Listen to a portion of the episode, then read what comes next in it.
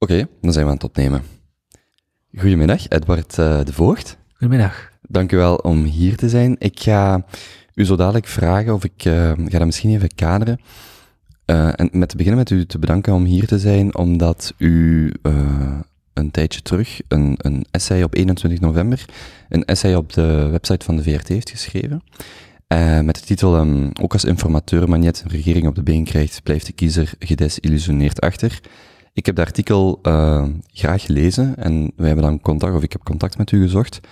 En vandaag zitten wij hier omdat ik graag dieper wil ingaan op dat artikel en um, meer nog ook uw, uw traject, hè, uh, als ik op uw pagina van de UGent kijk, staat daar experimentele retoriek, politieke marketing, overtuiging en uh, stilistiek.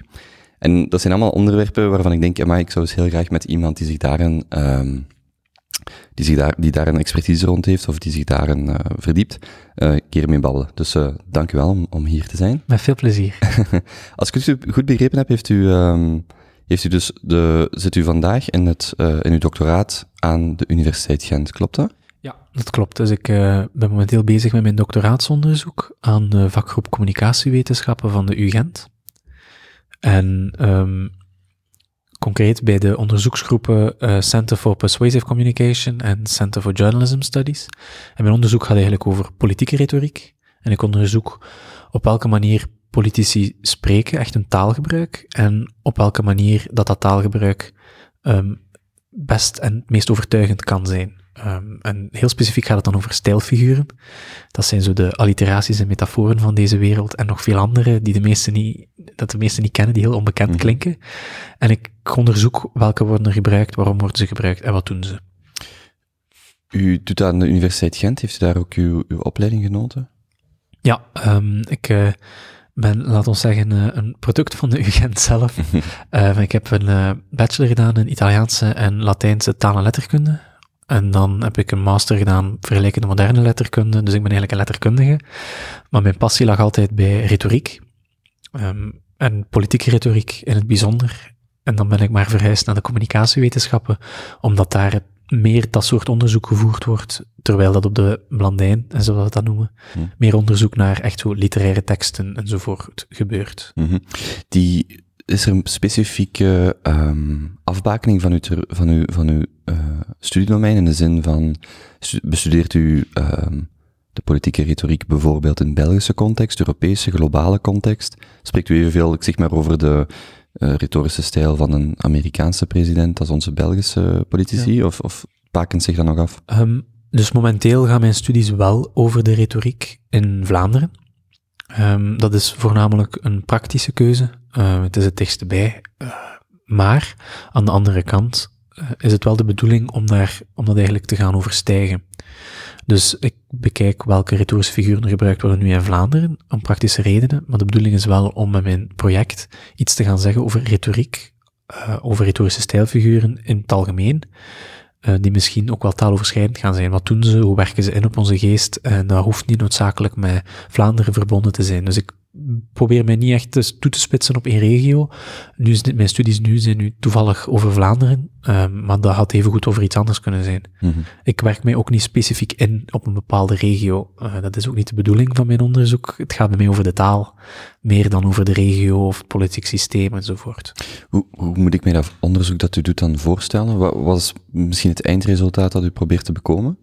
Het, uh, het eindresultaat, ja, het, begint eigenlijk met het feit dat we een hele lange retorische traditie hebben. Zeker in de westerse samenleving. Um, dat begint 2500 jaar geleden en waarschijnlijk al vroeger. Maar 2500 jaar geleden kreeg je de eerste handboeken over hoe je moet goed spreken. Dat was meestal gebaseerd op de teksten van Homeros, uh, de Ilias, de Odyssee enzovoort. En die eerste boeken die zijn al uitgewerkt geweest. Dan krijg je de grote werken van Aristoteles, de dialogen van Cicero enzovoort. En dat heeft een hele retorische traditie opgestart binnen de westerse, westerse wereld. Nu, wat is daar het uh, probleem van? Dat we dezelfde richtlijnen uitgedacht door Aristoteles en consorten, 2500 jaar later nog altijd gebruiken, en bijna exact dezelfde manier. Als we gaan kijken naar studies binnen klassieke retoriek vandaag, of retorische analyses vandaag, gebruiken die nog altijd dezelfde maatregelen, analyses, categorieën die 2500 jaar geleden bedacht zijn geweest. Niemand test ze, niemand kijkt wat ze doen, niemand weet of dat ze effectief nog veel gebruikt worden in het algemeen. Dat is een assumptie. Wacht, en wat moet ik mij daar dan bij voorstellen? Kan u daar een voorbeeld van geven? Bijvoorbeeld, um, er wordt uh, uitgegaan van het feit dat er heel veel stijlfiguren zijn. Die politici, politieke retoriek, speeches van politici zitten vol met stijlfiguren. Maar dat wordt meestal gezegd door mensen die van één persoon uh, speeches bestuderen. Dus de meeste studies in de retoriek gaan over heel specifieke speeches, bijvoorbeeld de uh, inaugural address van uh, Obama, um, de inaugural address van Kennedy, deze speech van Trump, deze speech van Churchill enzovoort, of een reeks speeches. Maar er is eigenlijk weinig inzicht in wat dat er echt globaal gezien, als je echt een grootschalige empirische studie zou doen, wat er globaal gezien gebeurt in de politiek, in politiek taalgebruik. Er is weinig zicht op. En ten tweede, het wordt altijd aangeraden om dat soort stijlfiguren te gebruiken, of metaforen, of, of ja, bepaalde zo pathos, dus oh, emotionele argumentatie of logische argumentatie. Dat wordt altijd aangeleerd, nog steeds. Um, maar er is eigenlijk bitter weinig onderzoek naar of dat dan nu wel degelijk overtuigend is of niet, en in welke contexten. Hm. We gaan ervan uit dat het gewoon zo is, want dat is zo oud als uh, de, is ouder dan de straatstenen zelf eigenlijk zelfs. Uh, maar we weten dat eigenlijk niet, want het is weinig dat er overzocht wordt. En het idee van mijn project is om een u zegt het zelf net al, experimentele retoriek, dat wil zeggen, niet alles voor waar aannemen, omdat we dat al 2000 jaar doen, maar eens gaan kijken, wat is dat nu, en wat doet dat nu, hier, nu, vandaag, met de mensen die we nu zijn. Hoe ziet u uw werk er dan uit? Bent u dan constant speeches, uh, of, of niet louter speeches, maar doet u dan enorm veel analyse van teksten, van communicatie? Uh, dus dat is zeker een groot deel daarvan, en daar begint het nu ook. Dus eigenlijk mijn project valt uiteen in twee delen. Het eerste deel is kijken wat er allemaal is. En dan heb je heel veel speech-analyses, uh, het verzamelen van speeches, van politieke communicatie in het algemeen. En het tweede deel is dan een deel dat gaat kijken van ja, wat doen die nu? Die, ja, die middelen die gebruikt worden in de taal. En dat is meer experimenteel onderzoek. Dus dan gaan we echt gaan um, met participanten in een experimentele setting zetten, waarbij dat de ene groep bepaalde stijlfiguren krijgt en de andere niet. En dan gaan we kijken naar wat het verschil is. In bijvoorbeeld emotionele reactie of in dat kan van alles en nog wat zijn. Dus daar zit ik nog niet helemaal, maar uh, waarschijnlijk emotionele reactie, de complexiteit van de, van de boodschap. Dus dat mhm. kan uh, een groot verschil geven in of de begrijpbaarheid. Begrijpen ze wel wat er nog gezegd wordt? Of maakt het te moeilijk? Is het, uh, is het drammig, overbodig, te veel herhaling? dus er zijn heel veel dimensies waarop dat we, kunnen, dat, we dat kunnen meten, mm maar dat is nog niet helemaal duidelijk. En is uw is uw onderzoek dan medium of media-agnostisch? Of gaat u specifiek uh, kijken naar, uh, zeg maar, geschreven woorden, gesproken woorden, digitale, analoge media, dat soort dingen? Is daar nog onderscheid in? Wel, uiteindelijk, een deel van de taak van een onderzoeker is afbakenen, omdat je kan hmm. niet alles in één keer meenemen, anders weet je niet meer wat je aan het onderzoeken bent. Uh, nu focus ik mij voornamelijk op um, uh, laten we zeggen, ongemedieerde communicatie. De communicatie die van politici rechtstreeks komt niet hetgeen wat een journalist erover schrijft. Valt Twitter daar bijvoorbeeld Twitter bijvoorbeeld, maar nieuwjaarspeeches, uh, verkiezingsspeeches, dat soort zaken, uh, die wel uitgezonden worden, dus op een bepaalde manier zijn ze gemedieerd. Uh, maar echt gewoon de speeches die ze zelf geven, die ze zelf spreken. Nu, uiteraard zijn ook speechschrijvers en zo achter, en dat proberen we ook mee te nemen. Maar we proberen nog niet te veel te kijken naar uh, de verschillende facetten van media, en, mm -hmm. omdat dat maakt het heel erg complex. Ik denk dat het interessant is om eerst eens te kijken wat ze zelf doen, en wat dat de media er dan van maakt, of welke media daar een invloed hebben, dat kan dan eventueel een toekomstige richting nog zijn voor dat soort onderzoek. Kan u de vraag beantwoorden wie de beste communicatoren zijn in de politiek? Dat is een hele moeilijke vraag. Uh, maar, kan, maar, wacht, kan u de vraag beantwoorden? Uh, valt dat binnen uw... Maar, ik het, maar, maar, zou ik het zo mogen zeggen dat dat binnen uw expertise-domein valt? Of binnen uw onderzoeksdomein? Uh, de onderzoeker in mij zegt dat ik dat niet kan beantwoorden. Waarom? Omdat we nog geen... Er bestaat geen uh, waardepatroon of een soort van test met punten dat we kunnen zeggen, dit, is, dit zijn de punten voor een goede communicator, dit zijn de punten voor een slechte communicator, zijn richtlijnen, maar die zijn zodanig complex en tegenstrijdig soms dat je... Maar er is toch een intuïtief gevoel? Er is zeker een intuïtief gevoel. Je hebt politici die meer dan andere politici proberen uh, in te spelen op hele specifieke zaken. En dan kom je nu, ja, clichématig altijd bij dezelfde mensen uit. Dan kun je nu weinig aan doen. Um, zo zie je bijvoorbeeld dat um, ik kan als onderzoeker enorm genieten van de communicatie van Bart de Wever bijvoorbeeld. Meestal niet om de reden dat dat meestal vermeld worden. Dus zelfs als, als klassicus ben ik eigenlijk helemaal niet geïnteresseerd in zijn Latijnse quotes. Uh, maar op een heel andere manier ben ik wel geïnteresseerd. Het is iemand die nadenkt over wat hij zegt, maar vooral tegen wie hij het zegt. Er is, uh, een tijdje geleden was er heel veel om ja, was er heel veel uh, controverse rond zijn reactie op de uh, Youth for Climate beweging. Uh, omdat hij zich daar heeft, uh, ze, zeggen, ze, hebben, ze, zeggen vaak over hem dat hij zich daar um, heeft laten verleiden om uitspraken te doen tegen de jongeren, tegen, ze zouden beter op school zitten en zo van die zaken. En heel veel mensen zijn... Was dat vlak voor de verkiezingen? Was dat een aanleiding van de verkiezingen? Goh, dat was, dat waren een paar maanden voor de verkiezingen natuurlijk. Uh, maar los daarvan zeiden de mensen, ja, dat is niet slim, hij zet die mensen aan de kant, en zo moeten, mm. de, eh, bedoel, enzovoort. En mijn idee was, ja, dat was eigenlijk net heel slim, want de personen die Youth for Climate steunen, is niet het doelpubliek dat de NVA gaat kunnen bereiken. Of toch moeilijker. Dus dan zouden ze beter een harde stand, een hard standpunt innemen ertegen om de mensen die misschien meer richting Vlaams Belang of, of CD&V, die eigenlijk niet zo fijn vinden dat die allemaal op straat komen, om die aan zich te binden. En het is iemand die heel goed nadenkt, niet alleen over wat dat hij zegt en hoe, maar vooral tegen wie. En wie dat hij wil bereiken met zijn communicatie. En dat maakt hem toch wel heel sterk, zeker ook in debatten, uh, is het heel aangenaam naar hem te luisteren, omdat hij zich niet laat verleiden tot een discussie een debat voor hem heeft een heel bepaald doel. Dat is de bepaalde kiezers die hij voor ogen heeft thuis overtuigen. Um, terwijl andere politici zich heel rap voelen meegetrokken worden in het debat, in de discussie, gaat hij nooit een discussie aan als hem dat geen, als hem dat geen mm-hmm. bij zijn publiek geen, geen extra dingen gaat opleveren. Zit er in uw, in uw onderzoek ook een historische context? Bijvoorbeeld onderzoek naar de Churchills en de, de Hitlers van deze wereld. Is, in welke mate is dat relevant? Um, want, want u zegt er net, er is bijvoorbeeld geen objectief referentiekader. En ik beloof dat we tot, tot bij uh, het artikel ook gaan komen. um, omdat er geen objectief referentiekader is of geen, geen richtlijnen. Maar als je morgen op straat gaat en je vraagt wie zijn de grote oratoren van de laatste eeuw of van mensen die dan populaire media, dan zult je waarschijnlijk vaak bij de Churchills en dergelijke komen. Ja. Valt dat ook onder uw studiegebied op dit moment? Ik ben zeker geïnteresseerd om te gaan kijken waarom, en dat is een, een van de dingen die ik in de, de nabije toekomst echt wil gaan onderzoeken, is wat doen mensen zeggen, dat is een goede spreker of dat was een goede speech. Dus dat is, er is weinig over geweten. Uh, meestal verwijzen ze naar zo die oude dingen van de klassieke retoriek. Maar ik wil niet weten wat klassieke retoriek zegt, ik wil weten wat dat de mensen denken. Waarom denken mensen, oh, dat was een goede speech. Uh, dus dat is zeker interessant. En ja, het historisch aspect, uiteraard, het werk dat ik doe bouwt voort op dat soort studies. De eerste ja, de, eerste retor de meeste retorische studies zijn analyses van grote sprekers. De vraag is waarom zijn dat grote sprekers? Nou, in eerste instantie waarschijnlijk omdat goede sprekers waren. Dus ja, dat, anders kom je er niet. Waarom zijn dat dan de grote sprekers? Voornamelijk volgens mij uh, door geluk, voor, door een carrière, uh, maar ook omdat mensen hem, hem of haar zo gemaakt hebben.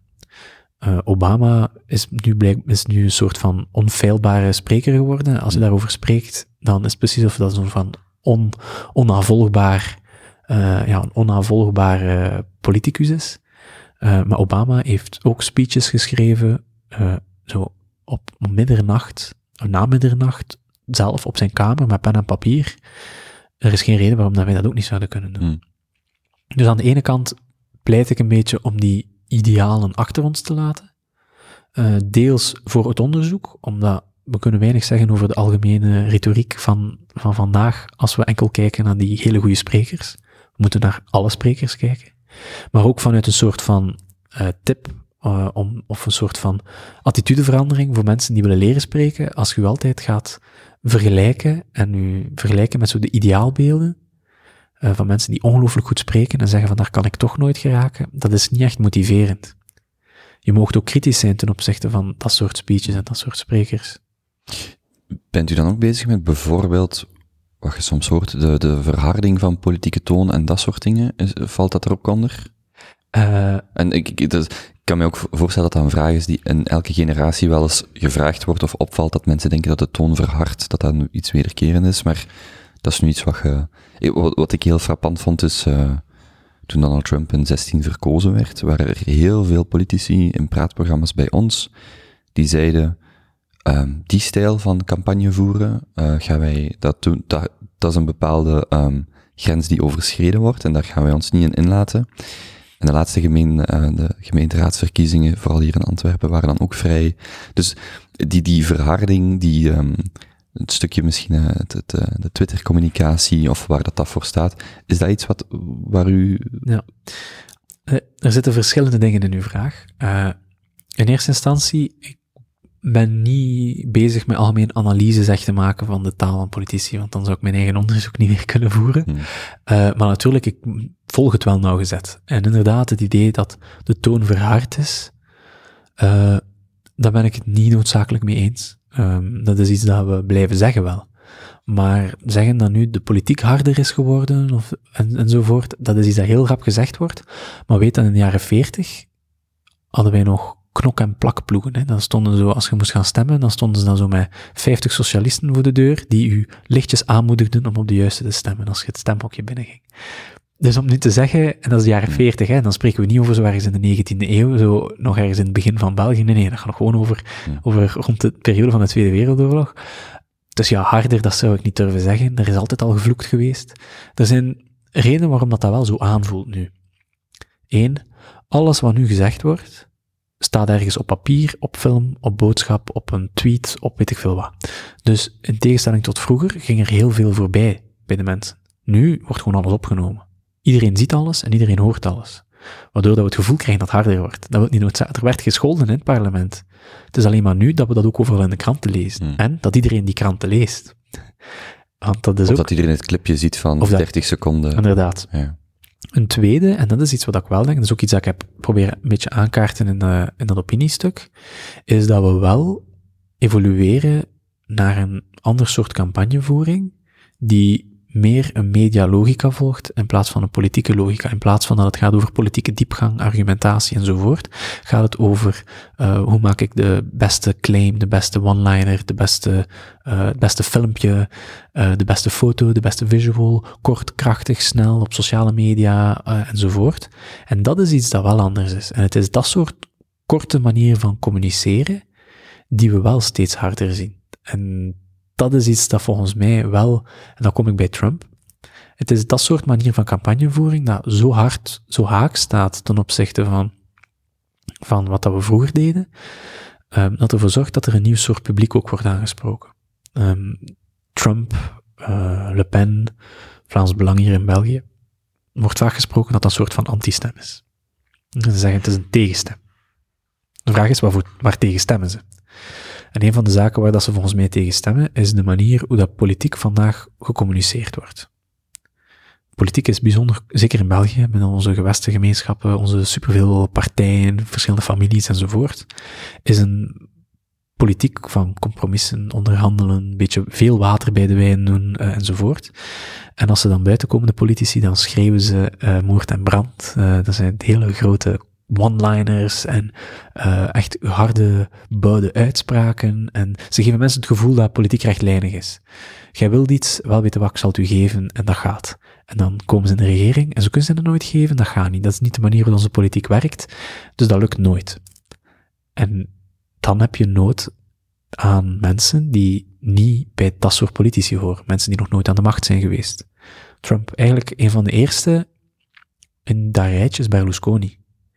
Italië heeft een heel lang verleden van uh, politici die vestzak-boekzak-operaties deden. De, de, grootste partij daar uh, na de oorlog, een van de twee grootste partijen van de oorlog, de, de christelijke partij, die er nu bijna eigenlijk gewoon niet meer is, die is verdwenen. In Italië is een land, een, een, een super-katholiek land, hmm. waar eigenlijk geen grote christelijke partij is. Dan moet gewoon een keer, dat is veel mensen weten dat niet, maar dat is eigenlijk heel straf. En geen, als een geen of geen, geen kiesdrempel of een paar procent? Maar er zijn wel zo, zullen wel wat kleine partijen zijn. Uh, maar bijvoorbeeld zoals dat je de, de christen-democraten hebt overal in de grote landen in Europa. Italië heeft dat niet. Hm.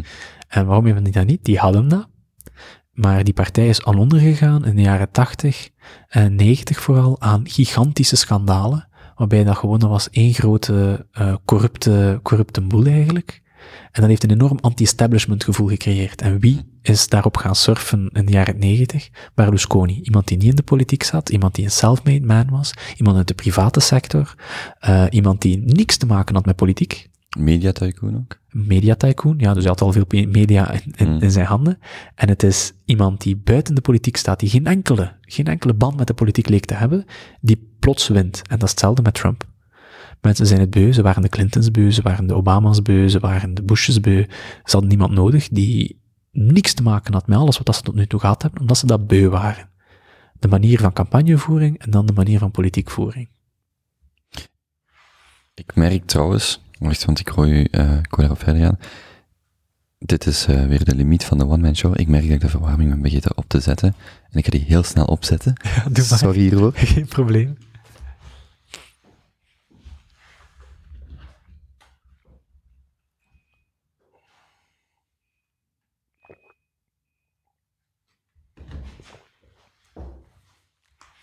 Oké. Tot zover. eh, mijn eh, productieassistent was ziek vandaag. of zo. Ehm, dus, die, dus uw doctoraat dat u vandaag doet, zit u daar in het tweede jaar van, de, van het onderzoek? Ja, ik zit momenteel in het tweede jaar. En is dat een doctoraat van drie, vier jaar? Is vier jaar normaal. Vier jaar. Ja. Ja. Ja, Daarnaast, dus u heeft, u heeft u, uw onderzoek dat u doet, en dan heeft u ook nog, eh, bent u zaakvoerder van de Redenaar. Ja, inderdaad. kan u daar iets over vertellen? De Redenaar is een, eh, een, een communicatiebureau dat ik samen heb opgericht, samen met een, eh, met een vriend van mij, die dus nu ook collega zaakvoerder is, eh, met Dietmar Hertsen. Ehm, en wij hebben dat opgestart in, de, in het gevoel dat er vandaag veel te weinig aandacht besteed wordt aan gesproken taal. En vooral aan de vorm van die gesproken taal. We zijn heel veel bezig met inhoud, maar veel te weinig mensen spreken eigenlijk echt nog goed. presenteren eigenlijk echt nog ehm, bevliegend en inspirerend. En dat zagen we graag anders.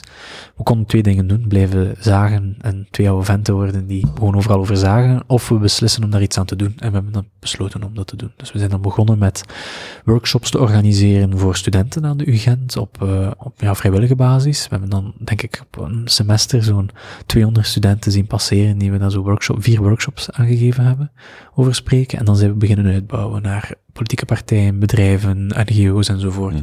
Om ze te leren overtuigen. eh, mondelinge overtuiging. Wat niet alleen goed spreken en algemeen goed spreken, maar vooral en voornamelijk overtuigend spreken, want dat is nog iets anders.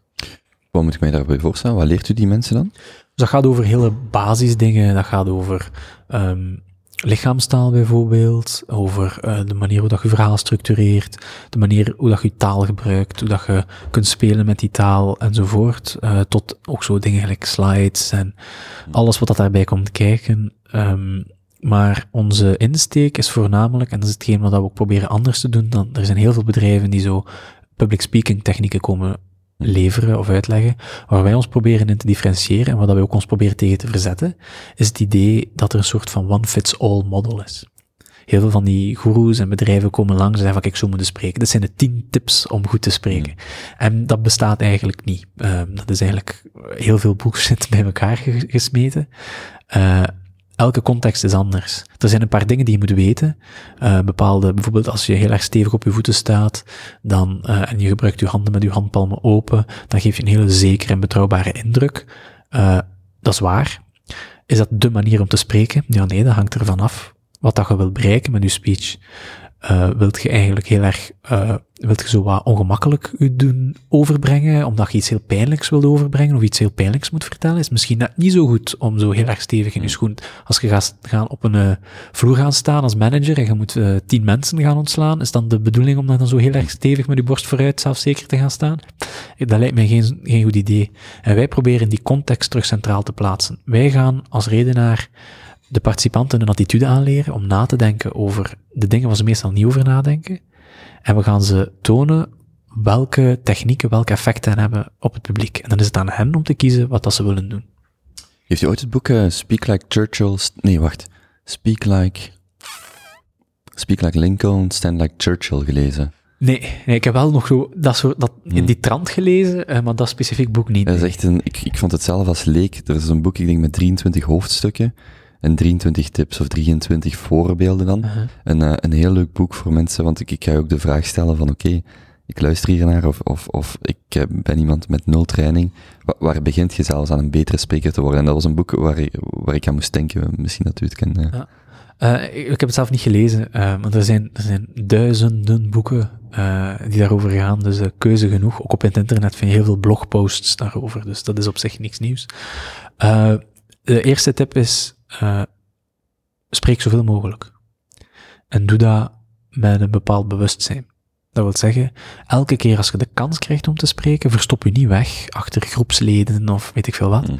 Doe het zelf, ook al is dat slecht. Eh, de meeste presentaties die je geeft zijn niet zo belangrijk. Eh, en dan nog, als je echt schrik hebt om te spreken, hoeveel, moet ik hier zelf afvragen, hè, zou ik zeggen, beste luisteraar, hoeveel sprekers die echt slecht waren, kunt je nu nog herinneren? Ik, ik heb er bijzonder veel gezien en ik kan er bijna geen enkele herinneren. Dus het ergste dat kan gebeuren als je niet goed doet, is dat ze het niet meer weten. Dat valt eigenlijk nog een vrij oké risico. Dat is een vrij oké risico. Terwijl als je het goed doet, is de kans veel groter dat ze het gaan onthouden. En dat is eigenlijk een veel interessantere winst. Hmm. Dus in eerste instantie zoveel mogelijk spreken en dan ook blijven uzelf proberen te verbeteren. Probeer dingen uit. Probeer eerlijk te zijn met uzelf. Als er dingen waren die niet zo goed gingen, probeer die dan de volgende keer anders te doen en niet exact hetzelfde.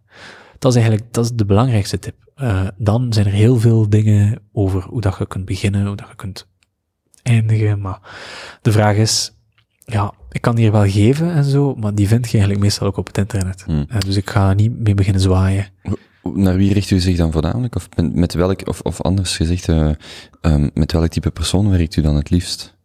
Het, ehm, dus met welke soort personen dat we werken, dat, dat is gewoon iedereen die moet mondeling overtuigen, die kan bij ons terecht. Wat zijn dan voornamelijk managers, neem ik aan? eh, Eh, niet noodzakelijk. Eh, dat gaat van eh, docenten tot studenten, tot NGO's, hm. eh, tot politici, militanten die gewoon deur aan deur moeten gaan en gaan babbelen met mensen. Dat is ook mondeling overtuigen, dus dat soort dingen hebben we ook al gedaan.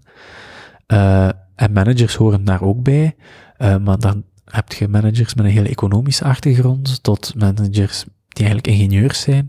Eh, dus je hebt een heel wijd, publiek. En dat is een publiek die we proberen ook aan te gaan, omdat mijn collega en ik, mijn collega is een ingenieur zelf. Dus hij is een, eh, beta-wetenschapper, ik ben een alpha-wetenschapper. Dat zorgt ervoor dat we ons vrij gemakkelijk kunnen verplaatsen in een hele grote groep van de bevolking. Want die zeggen, dat is altijd veralgemeend, hè, elke richting is anders. Eh, maar een beta denkt toch anders dan een alfa. Kan u dat kort toelichten? Ja, dus eh, de beta-wetenschappen, de harde wetenschappen, de fysica, de ingenieurswetenschappen, de, de chemie enzovoort, die eh, zijn enorm hard bezig met inhoud. Die hebben ook een heel, die hebben eigenlijk ook meestal niet veel nood aan taal, want die hebben een formeel systeem, wiskunde, waarin dat ze eigenlijk alles perfect kunnen uitdrukken zoals dat ze het willen. Mhm. En voor hen is taal de laag die ze nodig hebben om ja, te gaan spreken erover, conferenties enzovoort, die ze eigenlijk liever niet gebruiken. Ja, want als wiskunde uw primaire taal is, dan is het gesproken woord enkel ruis op, op wat je Ja, presenteert. dat, hè. dat brengt, nu, dat brengt eh, emotie, intuïtie, dat brengt een hele eh, connotaties met zich mee. En dat hebben ze liever niet. Eh, meestal zijn ze dan ook niet echt mee bezig en proberen ze dan zo dicht mogelijk tegen die wiskunde te geraken. Dus dat is een heel andere manier. Aan de andere kant, alfawetenschappers zijn zich meest, dus de, de menswetenschappen, cultuurwetenschappen, dus taal, literatuur, geschiedenis, psychologie, eh, communicatiewetenschappen bijvoorbeeld, economie, eh, die zijn zich meestal wel bewust van de, de impact van vorm en dat taal belangrijk is, maar die ehm, gaan vaak nogal uit vanuit een soort van natuurlijke charme ofwel bespraaktheid die ze hebben en denken dan weinig nog na over wat dat ze eigenlijk net wel en niet moeten doen om dan eh, maximaal impact te hebben. Dus die vertellen wel, die weten wel dat dat belangrijk is en die zijn er wel mee bezig, maar die stellen zich dan niet altijd de juiste vragen. Eh, dat is ook een veralgemening, hè. Ik bedoel, er zijn hele goede sprekers overal, hè, dus dat wil ik niet gezegd hebben. En door allebei de kanten te hebben bij ons, eh zorgen ervoor dat we ons gemakkelijk kunnen, ja, in die plaats stellen van die mensen, van onze, van onze klanten eigenlijk. Maar ook, en dat is iets waar we echt prat op gaan, wij proberen onze workshops en onze lezingen echt te stoelen op ons publiek. Dat wil zeggen, als wij naar ingenieurs gaan, dan zijn al onze voorbeelden en tips en uh, richtlijnen gebaseerd op de wereld van die ingenieur. Dan komen wij af met Maxwell, met elektromagnetisme, met weet ik veel wat allemaal. als we naar geschieden, geschiedkundigen gaan, uh, of naar NGO's, dan komen we een heel ander soort voorbeelden af. Wacht, met die voorbeelden bedoelt u dan stijlen van sprekers? Nee, of inhoudelijk? Wij, dus wij, wij vertellen, um, dus de, de dingen die wij vertellen als tips, uh, doen wij op een soort van improvisatieachtige manier, theaterachtige manier. Dus wij proberen ze echt mee te krijgen. En wij bundelen bepaalde praktische inzichten, uh, of theoretische inzichten, bundelen we aan hele concrete voorbeelden en anekdotes. Dus we hebben voor bijna elke tip die we geven, hebben we echt uit het veld een voorbeeld. We proberen die dan ook zo altijd zo sappig mogelijk te vertellen, zodat die blijft hangen. Uh, maar dat is wel het idee. Uh, en dus die voorbeelden, die anekdotes, maar ook die richtlijnen, variëren dus van groep tot groep. We zeggen niet hetzelfde tegen een groep politici, als dat we gaan zeggen tegen een groep uh, psychologen bijvoorbeeld. Mm -hmm, mm -hmm. Dus, um, ik, ja, ik kan me er iets voorstellen. Ik, ik herinner mij, een vriend, een neef van mij is uh, ingenieur energie en het ging over Christophe Calvo die een keer kwam meespreken. ik denk dat het specifiek in het kerndebat was. Maar um, het ging erover dat hij zich, uh, dus dat hij tussen een groep van 200 uh, ingenieurs energie zat en daarover mee kon spreken. Um, dus ik kan me dan voorstellen om dat als voorbeeld te nemen dat je, Christophe Calvo is nu het voorbeeld, want het maakt eigenlijk niet uit dat je daar een rol speelt in, oké, okay, wie, wie is uw publiek, wat gaat je vertellen, wat is uw positie, wat is voor u belangrijk, maar hoe communiceert je dat? Wat voor u als politicus in deze belangrijk is naar die groep wetenschappers, ja. bijvoorbeeld. Ja, bijvoorbeeld, in dat specifiek geval, als je daar zit met Christophe Calvo, die zelf geen expert is, nucleaire energie, toch tenminste niet in de kern, kernfysica erachter, uh, als die gaat spreken voor een groep burgerlijke ingenieurs, is bijvoorbeeld, de, de politici hebben vaak de neiging om het gaan, om te gaan uitleggen, als er nu iets is dat ik dat niet zou gaan doen, mhm. is gaan uitleggen mm. aan burgerlijke ingenieurs hoe dat kernfysica werkt, mm. als je zelf geen kernfysicus bent. Uh, dus dat is dan bijvoorbeeld een neiging die je zou bijvoorbeeld kunnen onderdrukken. Uh, en dat is de attitude die we willen bijbrengen. Niet doen wat dat je denkt dat je moet doen, of, of gelijk dat je wilt doen, maar je luisteraar en je doel staat centraal. En daar rond gaat je beslissen, wat ga ik nu doen en wat ga ik nu niet doen. -hmm. Wat is voor u het uh, spannendste wat je op een dag kan doen? Want u, u doet veel verschillende dingen. Uh, het, spannendst, het spannendste. uh, dat een goede vraag. Ik, ik spreek zelf heel graag voor publiek. Ik doe dat nu. Ik, vind, ik doe dat niet vaak genoeg, vind ik zelf. Dus ja, ik geef wel zo workshops en zo.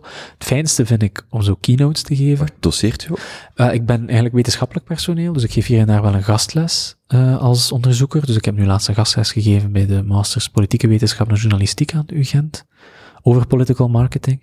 En dat doe ik super graag. Dat vind ik, dat vind ik, dat vind ik heerlijk om te doen. Uh, ik werk dan ook heel erg graag goed en lang bij een les uit, om dat op te mm. bouwen, om te zorgen dat die studenten mee zijn, dat ze een aha-erlevenis aan het einde kunnen proberen hebben. Of ja, uh, probeert dat toch, hè. Je weet dat sowieso, dat gaat niet altijd lukken, maar... Dus dat doe ik heel graag. Uh, maar zo, het liefst van al doe ik zo een keynote voor zo een immens groot publiek. Hoe groter dat publiek, hoe meer ik in mij, mij mijn sas voel. Uh, want ik ben van nature uit nogal een theatrale spreker en dat komt best tot zijn recht voor hele grote groepen. Uh, vooral als je dan voelt dat je ze meekrijgt, als je zo'n grote groep meekrijgt, dat is, dat is het beste gevoel dat er is. Uh, maar jammer genoeg zijn de mogelijkheden daartoe niet altijd even groot. De, dat is groter als je bijvoorbeeld echt in de politiek zit. Uh, ik word al een keer vaker gevraagd en dat soort zaken. Uh, meestal beperkt het ons bij ons bij ja, workshops geven voor kleinere groepen, een keynote hier en daar. En dan zit wel wat volk, maar zo, ja, we hebben ene keer uh, met de redenaar een TEDx-talk gedaan, op TEDx Vlerik, een paar jaar geleden. Ja, dat was, dat was fantastisch. Dan bereid je daar zo de puntjes voor en dan, zeker omdat met twee, Dietmar en ik, we hebben een hele speciale stijl. Wij spelen enorm hard op elkaar in. Wij vullen elkaar zinnen aan. Uh, omdat we ook al vier jaar lang samen spreken en op toneel staan. Zo, ja, op het spreektoneel staan, zo maar te zeggen. Uh, en dat is gewoon super fijn om te doen. Maar dat gebeurt niet elke dag. Was dat het lievelingsonderwerp om te spreken? Om over te spreken? Uh, voor mij, over, over spreken zelf. Over spreken zelf. Want er zijn, er zijn verschillen. Ik geef ook heel erg graag les over theorie. Ik ben, ik ben een een letterkundige, ik ben een theoreticus. Dit, dit maar gaat dat volledig beamen. Uh, ik kom af met theorieën en uh, modellen en ik praat daar heel graag over en ik bespreek die heel erg graag. En dit maar is degene die mij dan altijd zo'n keer moet zeggen, ik kom een keer terug naar beneden van uw volk uh, en laat ons dan een keer iets praktischer maken voor de mensen. Uh, dus ik, spreek heel graag over theorie. Uh, en dat kan gaan over bijvoorbeeld political marketing, over retoriek in het algemeen, over de geschiedenis van retoriek, de filosofie van de retoriek. Ik kan daar urenlang over babbelen. Maar het kan ook heel erg specifiek gaan over praktisch dan retoriek. Dus ik spreek over alles graag, als ik er een beetje over weet. Mhm. Uh, ook heel erg leuk is zo een thema krijgen waar je niks over weet en dan, dan zo proberen een uur over te leuteren. Dat, is ook, dat, is, dat zijn fantastisch goede oefeningen. Was u, was u thuis aan de tafel al uh, de kleine orator? Uh, mijn, uh, mijn, mijn ouders vertellen mij dat ik uh, eerst kon spreken met drie woorden en dan pas kon stappen. Mm. of dat dat er iets mee te maken heeft, dat weet ik niet. misschien betekent dat gewoon dat ik absoluut niet sportief ben en dat is zeker ook nog waar vandaag. maar ja, ik, ik, heb altijd al... Op school zeiden ze ook altijd een babbelaar was. en dan zeiden ze, ja, je, moet, als je, als je, je kunt altijd goed uitleggen, dat was niet altijd positief bedoeld. Maar wat hij dan wel had, is dat hij zei, ja, dan moet je politicus of advocaat worden. Ik dacht van, dat is een fantastisch idee, ik ga Latijn gaan doen. Om toch maar gelijk niet te geven. Ja, dat is, je kunt altijd zeggen, ja, een babbelaar, vroeger of niet. Uiteindelijk, de meeste keuze die je vandaag, of het meeste wat je nu zei, is door wat je tegenkomt op je pad. Bij mij was dat Latijn die mij naar die retoriek gedreven heeft. Ik sprak graag, uh, en ik deed dat ook graag voor publiek. Maar de retoriek en de passie ervoor, die is gekomen door Latijn als ik daar niet mee was uh, geconfronteerd geweest, dan ging ik waarschijnlijk nog altijd veel gebabbeld hebben. Maar de vraag is, zou ik gedaan hebben wat ik nu doe? Namelijk onderzoek en zowel de praktijk. Dat denk ik niet. En daar was Latijn wel belangrijk om dat uh, in het middelbaar te studeren. Uh, ja, ik was er anders volgens mij niet mee. De boeken waar je dan mee in contact komt, zijn zo die spreken zoals Churchill en spreken, maar dat, zijn geen, dat is geen theorie. Uh, de echte, de laatste echte grote theorieën, ja, dat is niet waar. Je hebt ook nog in de jaren 60, 70 krijg je zo'n nieuwe reeks theorieën over retoriek, maar zo de, de, de belangrijkste, de basis van de theorie, die komt uit de klassieke oudheid. En dan moet je bijna Quintilianus en Cicero en zo gaan lezen. En dat hebben we zeker gedaan. Mijn liefde voor retoriek is begonnen met, met gewoon de speeches van Cicero te lezen. En te voelen dat dat zoveel meer is dan gewoon een speech. Dat is Mm. de manier hoe dat die speech is opgebouwd. Die, dat, is, dat is gewoon magnifiek. Dat, is, eh, dat moet een werk in gestoken hebben die nu, nu niet meer gedaan wordt. Uh, mensen gingen daar vijf jaar lang, pas op, ja natuurlijk, die had, waren rijk genoeg om vijf jaar lang niet te werken en dan zo reizen te gaan doen in Griekenland. Ik bedoel, Mm. het is een andere tijd, hè. Uh, maar die gingen vijf jaar lang uh, reizen in Griekenland, naar scholen gaan om retorische vaardigheden op punten te zetten. Ja, dat, dat gebeurt nu niet meer, hè. Uh, nu doet je zo ene cursus die je werkgever een keer organiseert, twee uurtjes, een beetje leren spreken en dan doet iedereen toch nog wat, dat, doet hij gewoon terug wat dat hij ervoor Ja, deed. ja. Dus dat, dat, is, dat zie je wel. Ben, ik, om de een of andere reden zit ik met uh, de speech van, uh, heet Man in the, Man in the Arena, van, uh, oh, ik moet nadenken. Ik denk van uh, Roosevelt, de eerste van, van 19, ik ben niet helemaal zeker, maar dat, dat is zoiets waar... Frank, Franklin Roosevelt dan, hè? Ja, ja. Ik ben... Uh, 19, ik weet niet meer, niet meer exact. Maar als je die, ik weet nog dat ik die voor de eerste keer las, want dat was dan ook een speech, dat, of, een, of een, een tekst die uh, gelezen werd door hem in Parijs. Ja, dat je helemaal uh, mee bent en dat je zit, het zijn niet louter woorden op een pagina, het is, hier zit een boodschap, een intentie, een geschiedenis achter um, het publiek of het moment waarop iemand iets zegt. Ook die, de, de studie van die, die speeches of teksten in het algemeen, ja. maar ook muziek valt er eigenlijk ook onder en poëzie. Niet louter, wat betekent dat vandaag nog voor mij, maar ook wat was die historische context, wanneer is het geschreven, waar was het een reactie op en dat soort dingen. Ik kan me voorstellen dat je daar enorm veel, uh, enorm breed in kunt gaan. Want uw allee, uw, do, uw domein is nu de, is gericht op het politieke en daar heb je dan nog heel wat subdomeinen binnen. Maar in het algemeen, die studie is, uh, dat studieveld of die studieinteresse gaat heel breed. Dat, dat, zie je ook aan de onderzoeken die gevoerd worden over retoriek. Hè. Ik bedoel, er wordt retorisch onderzoek gedaan in, in wetenschapsliteratuur bijvoorbeeld. De retoriek van de wetenschap is ook een hele belangrijke. Daarin zie je ook zaken die, die bijzonder interessant zijn. Uh, ook bijzonder goede wetenschappelijke speeches. Er is zo bijvoorbeeld één van um, uh, Oppenheimer, en dus een van de breinen achter de atoombommen die gevallen zijn op uh, Hiroshima en Nagasaki in de Tweede Wereldoorlog. Die heeft in een, in een, een interview met een wetenschappelijke tijd, ik denk dat was Nature, ik denk dat Nature was, in een, um, in een interview gewoon met hem over de eerste tests van de atomen, hebben ze in een interview aan hem gevraagd op een bepaald moment, na de allereerste succesvolle test in de desert van Nevada, wat, waren jullie, wat ging er toen door jullie hoofd? Toen je daar in die bunker zat en je zag dan de eerste keer die paddenstoel verschijnen.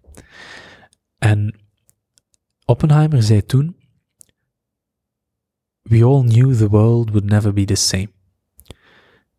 Few people laughed, few people cried, but most of us were silent.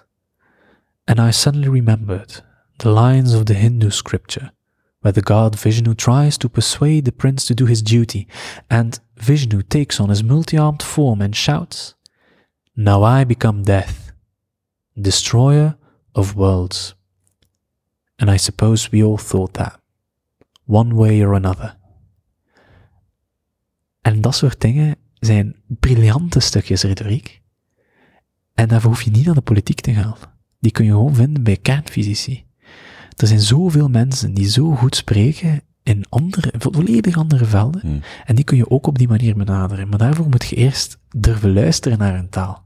En voorbij die inhoud durven kijken en zien dat er soms briljante dingen schuilen en ook soms maar de simpelste dingen. Iets heel moeilijks, heel simpel uitleggen kan ook zo mooi zijn. Voor waarom zit er voor u dan die eh, eh, specifiek, de, of de, specie, de, sorry, de specialisatie in de politiek? Eh, omdat in de politiek, volgens mij, de impact daarvan nog net iets groter is.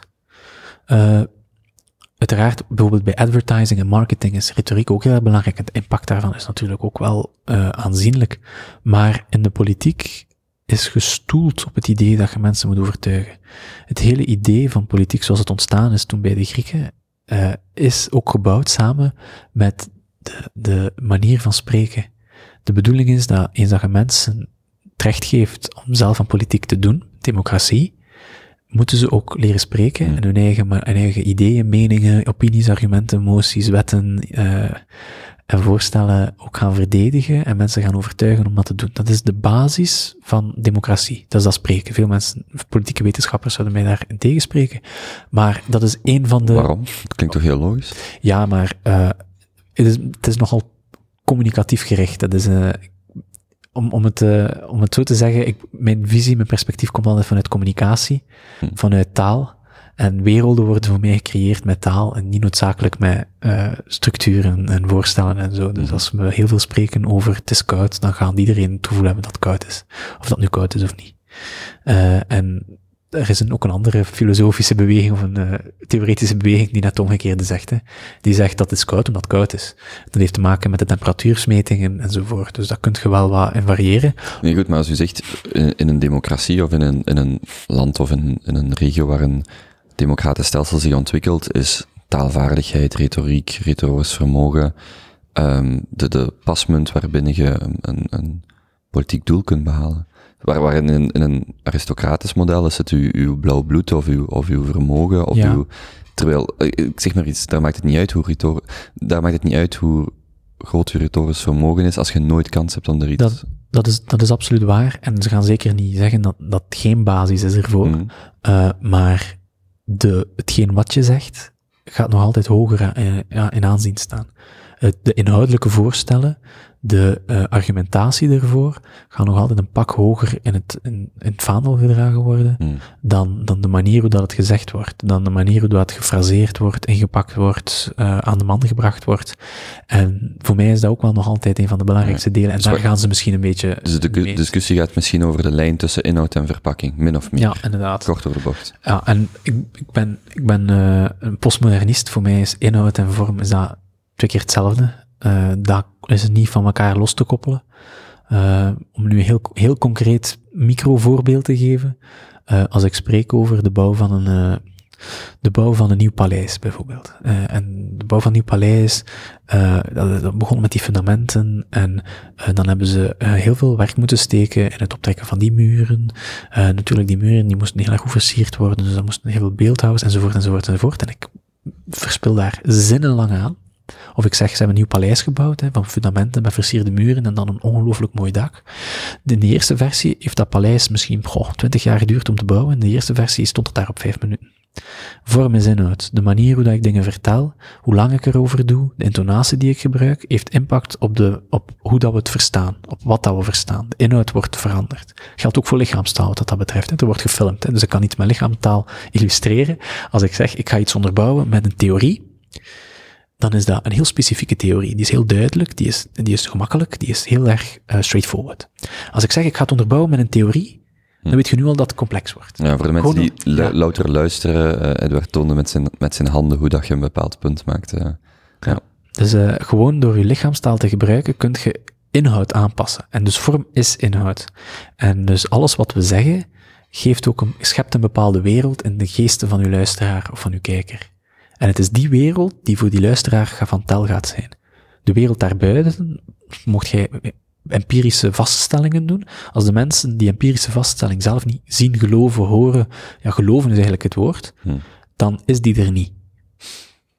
Bent u dan politiek niet heel snel bij, bij uh, populistische stijlen uh, betrokken? Uh, betrokken niet, um, um, maar, als er, maar ik zal het anders zeggen, als u zegt vorm is inhoud of stijl bepaalt mede inhoud, dan denk ik direct aan die bepaalde retorische technieken of stijlen die, die mensen hanteren, waar dat net de inhoud misschien, hmm. waar dat het doel net is dat de inhoud ondergesneeuwd geraakt of minder relevant is. Ja. Of waar de discussie over het emotionele en niet het rationele gaat. Dat, dat, is een, dat is een heel goede vraag. Dat is ook meteen de, de, de eeuwenoude kritiek die op retoriek valt. Hmm. Dat is uh, uh, vanaf Plato. Hè. Uh, retoriek is een, valse, een valse godheid die ons misleidt en verleidt en ons afwendt van de echte idealen, van de echte kennis te hebben. Dus dat is, dat is echt, dat, dat die visie is zo oud als Plato en de retoriek heeft sinds Plato daar zich al, altijd voor moeten tegen verdedigen. Nu, de eerste vraag is natuurlijk, wat is populisme? Uh, dat is zo'n hele paraplu-term, dat kan van alles en nog wat zijn. Voor sommige mensen is het een ideologie, voor sommige mensen is het een stijl, voor sommige mensen is het een techniek. Uh, bedoel, dat kan van alles zijn. Nu, voor mij is populisme is een uh, politieke stijl die probeert mm, het brede publiek voor zich te winnen door hen te geven wat ze willen. Of dat ze denken dat ze willen. Dat is niet altijd hetzelfde, maar. Hè? En dat bijvoorbeeld, en dat is iets dat in politieke marketing ook veel gebeurt, dat wil zeggen dat je um, technieken gaat uitvoeren, polling technieken, hè. je gaat enquêtes uitvoeren om te weten, oké, wat willen die mensen eigenlijk? En als politicus ga ik zeggen, kijk, weet je wat, nu weet ik wat dat je wilt, nu ga ik overal gaan zeggen, ik sta daarvoor, ik wil dag geven. En ik ga jullie dat geven. En los van het feit of dat, dat binnen een, bepaalde ideologie past, of los of dat dat nu uh, goed is voor het land, het systeem, of dat dat economisch haalbaar is of niet, gaat je um, kiezers winnen door hen te zeggen wat dat ze willen horen. Dat is voor mij een populistische stijl. Dat is voor mij niet automatisch ook een retorische stijl. Een retorische stijl, inderdaad, daar is vorm enorm belangrijk. Ik heb dat net al uitgelegd dat voor mij vorm en inhoud dat dat natuurlijk hetzelfde is. Uh, maar dat wil niet noodzakelijk zeggen dat je zegt wat dat mensen willen horen. Dat kan een mogelijkheid zijn, dat kan een techniek zijn, maar dat is niet automatisch hetzelfde. Hm. Het is niet omdat iedereen um, een mes gebruikt om zijn uh, patatten mee te snijden, dat je met dat mes ook ze niet kunt schillen. Ik bedoel, dat is twee verschillende dingen. Dat mes is retoriek, dat is iets wat, dat, dat, is iets wat je doet. Een stijl is iets wat je voor kiest. En je hebt verschillende soorten stijlen binnen de retoriek. Je kunt jij heel droog gaan, dat is ook een stijl. het, belang is dat, het belangrijkste is dat je probeert na te denken over hoe dat je ze bereikt. En het is niet noodzakelijk omdat je bepaalde argumenten niet geeft, dat daarom je ideeën minder argumentatief zijn of minder oké zijn.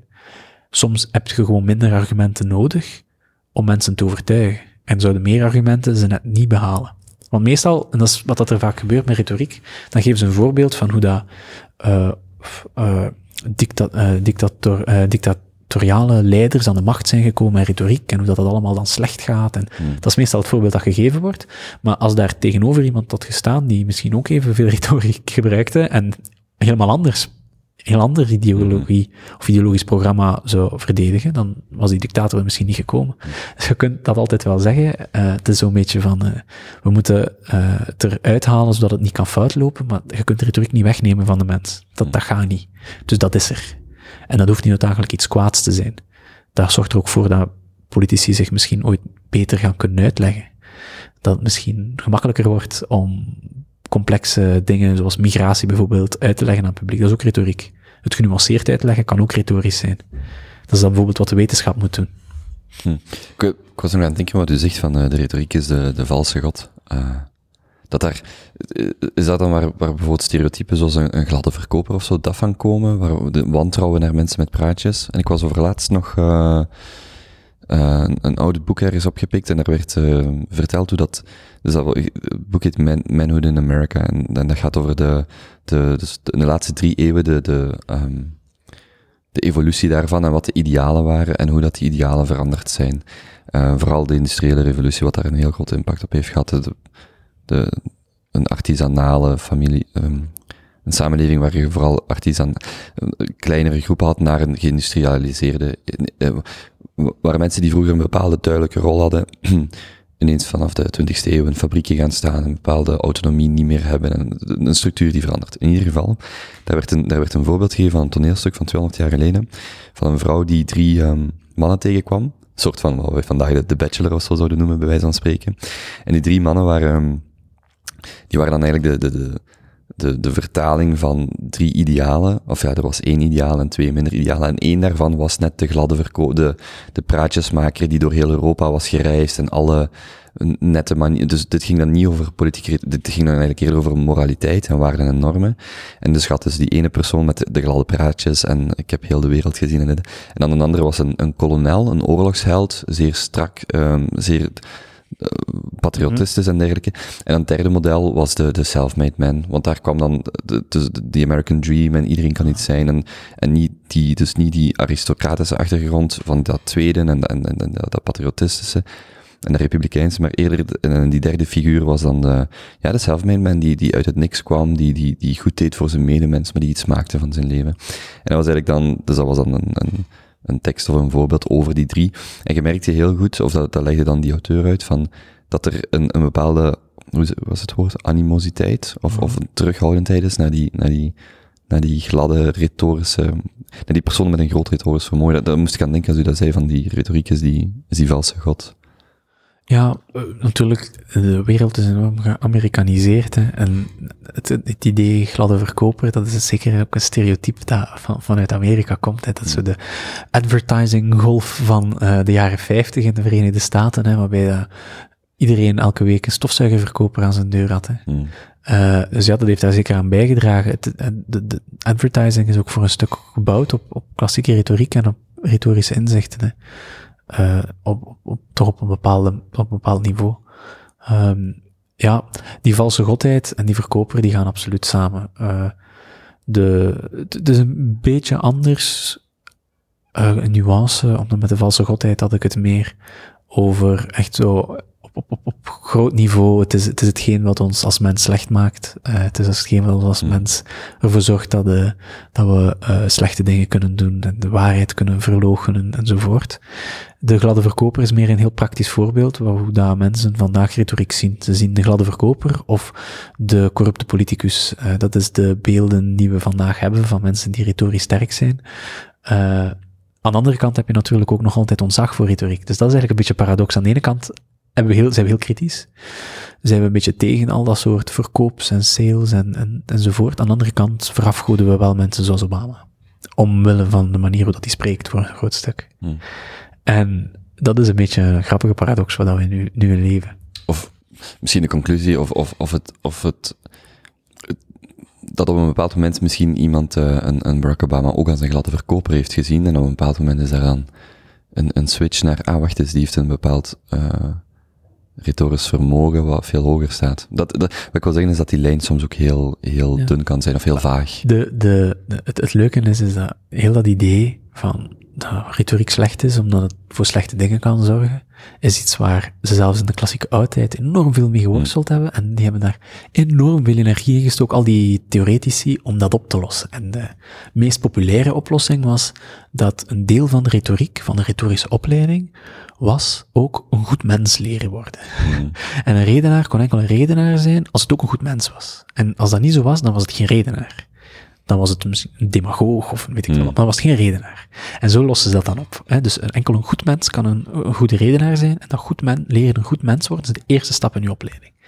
Dat is zo de school van Isocrates, en, en dat was zo, dat, dat was de meest populaire oplossing. En dat heeft eigenlijk, dat, zelfs tot nu toe, blijkt dat nog altijd zo te zijn. Trump heeft ook gigantisch retorische capaciteiten, op een heel andere manier uiteraard dan, dan Obama. Eh, maar dat is een demagoog. want dit- we zien hem niet als een goed mens. En Obama is een redenaar, want het is een goed mens. En dan, dat is dus dat idee is wel nog, heeft 2000 jaar overleefd. Eh, en misschien is dat de, misschien wordt het tijd om daar misschien een keer vanaf te stappen. Mhm. Wat komt er dan na dat idee? Eh, wel, en nu, nu dat is hetgeen wat ik, dat vind ik heel erg leuk om het over te hebben. Dus de retoriek is naar de achtergrond verbannen, zeker rond de verlichting en zo, met zo John Locke en al die eh, filosofen die zeiden dat, ja, eh, retoriek, nog een keer het platonisch ideaal, eh, retoriek is de valse godheid, we mogen daar niet aan bezig zijn, we moeten bezig zijn met de waarheid, wetenschappelijk onderzoek, het, dus heel, die trant is dan opgekomen. En dan is retoriek een beetje ja, verbannen geweest in de manier hoe dat we daarover spraken. Er werd een beetje ja, scheef naar gekeken. Eh, totdat dan eigenlijk in de jaren, in de jaren, vroege jaren 60, eh 70, is er een nieuwe beweging opgekomen. Ze noemden, ze noemden zichzelf de, de New Rhet- Rhetoricians. Eh, waaronder eh, Burke bijvoorbeeld, Edmund Burke. En die hebben retoriek proberen herkaderen. Wacht, jaren 70? Ja, Van, ongeveer. ik dacht dat Burke veel, veel ouder was. Wacht, de jaren 70 van vorige eeuw? Ja. Nee, oké, oké. Ja. Maar het zal misschien een andere Burks zijn. Er zijn wel verschillende Burks natuurlijk. Ja, nee, Edmund Burke. Ja? Ik dacht Van- dat hij veel ouder was. Oké, Ah ja, ja dat, is, eh, nee, dat is ongeveer jaren 60, jaren 70. oké, oké. Eh, New Rhetoric. En eh, het idee daar is dat retoriek wordt op een andere manier gekaderd en gedefinieerd ook. Bij de New Rhetoricians was retoriek veel minder een tool. En de retoriek, die, die filosofen dateren tot nu, dus heb je ook filosofische werken daarover. Retoriek is niet noodzakelijk een tool of een techniek, zoals dat we het eigenlijk altijd gezien hebben. Eh, een techniek met middeltjes om iemand te proberen overtuigen. Aristoteles zelf heeft het ook zo verwoord. Retoriek is de verzameling van middelen die je kunt gebruiken om je spraak zo overtuigend mogelijk te maken. Eh, dus in plaats van het als een techniek, een, een vak, een techniek te zien, eh, proberen ze het als een, een deel van het menselijk bestaan te zien. Iedereen die spreekt gebruikt retoriek. Altijd. Dat wil niet noodzakelijk zeggen dat alles wat ik doe geknutseld is om u hier of de luisteraar hier te proberen overtuigen. Nee, Mhm. maar we hebben retoriek nodig om onze zin te ja, structureren. Het is zo dat ze zeggen dat elke keer als we spreken, proberen we een band met onze, met onze ik ga het op een andere manier uitleggen. Ik heb een idee in mijn hoofd, een beeld, ik heb ideeën, meningen, ik heb een heel systeem in mijn hoofd. En ik kan niet, ik kan nu eenmaal niet mijn systeem, als ik dat wil communiceren naar jou, gewoon uit mijn hoofd pakken en in uw hoofd steken. Dat gaat niet. Ik bedoel, dat is tot op de dag van vandaag nog altijd niet mogelijk, dus ik moet dat overbruggen. En overbruggen, dat doen we met taal. Maar die taal, dat is een, dat is eh, een ja, langage. Dat is iets dat we kunnen. We hebben dat, we hebben grammatica enzovoort. Dat zit allemaal in ons hoofd. We hebben dat wel, dat is de taal. Maar hoe zeggen we dat dan? En de structuur, de manier hoe dat we die taal structureren, dat is retoriek. En die is nooit neutraal. Wat we zeggen, wat we eerst zeggen, welke volgorde dat we het zeggen. Dat zijn dingen die onze innerlijke structuren ja, weerspiegelen. Ik zeg wel weerspiegelen. Het geeft geen ruit op die, het is geen ruit, het weerspiegelt. Het is een, een, af, ja, een eh, projectie daarvan.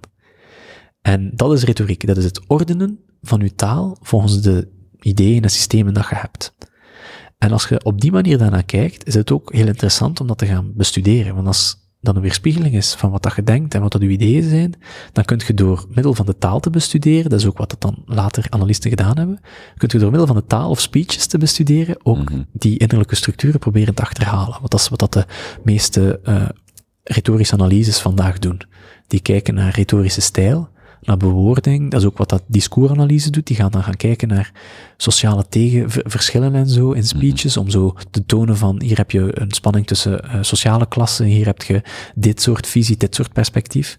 Om te gaan kijken wat de ideeënwereld is, wat de gedachtenwereld is van, of ja, de ideologie is van de persoon die daarachter staat. En dat is hoe de retoriek op een andere manier werd gezien. Niet als een tool, niet als een techniek, maar gewoon als een weerspiegeling van de manier waarop wij denken in taal. En dan heb je een genie. Ik vind dat een genie. Ik vind dat heerlijk om zo nog dat stapje verder te gaan. Dat is eh, George Kennedy, een, eh, hele belangrijke eh, geschiedkundige van de retoriek, die op, tegen het einde van zijn carrière een boek geschreven heeft, Comparative Rhetoric, en daar is hij eigenlijk op zoek gegaan naar manifestaties van retoriek, niet alleen bij ons in de westerse cultuur, maar bij aboriginals, bij oud-Indische culturen, die eigenlijk helemaal niks te maken hebben met ons verleden van eh, antieke retoriek. Om daar te zien dat daar ook retorische, maar dit is anders, maar ook retorische rites gebruiken, eh, tips, richtlijnen worden meegegeven in die tribes.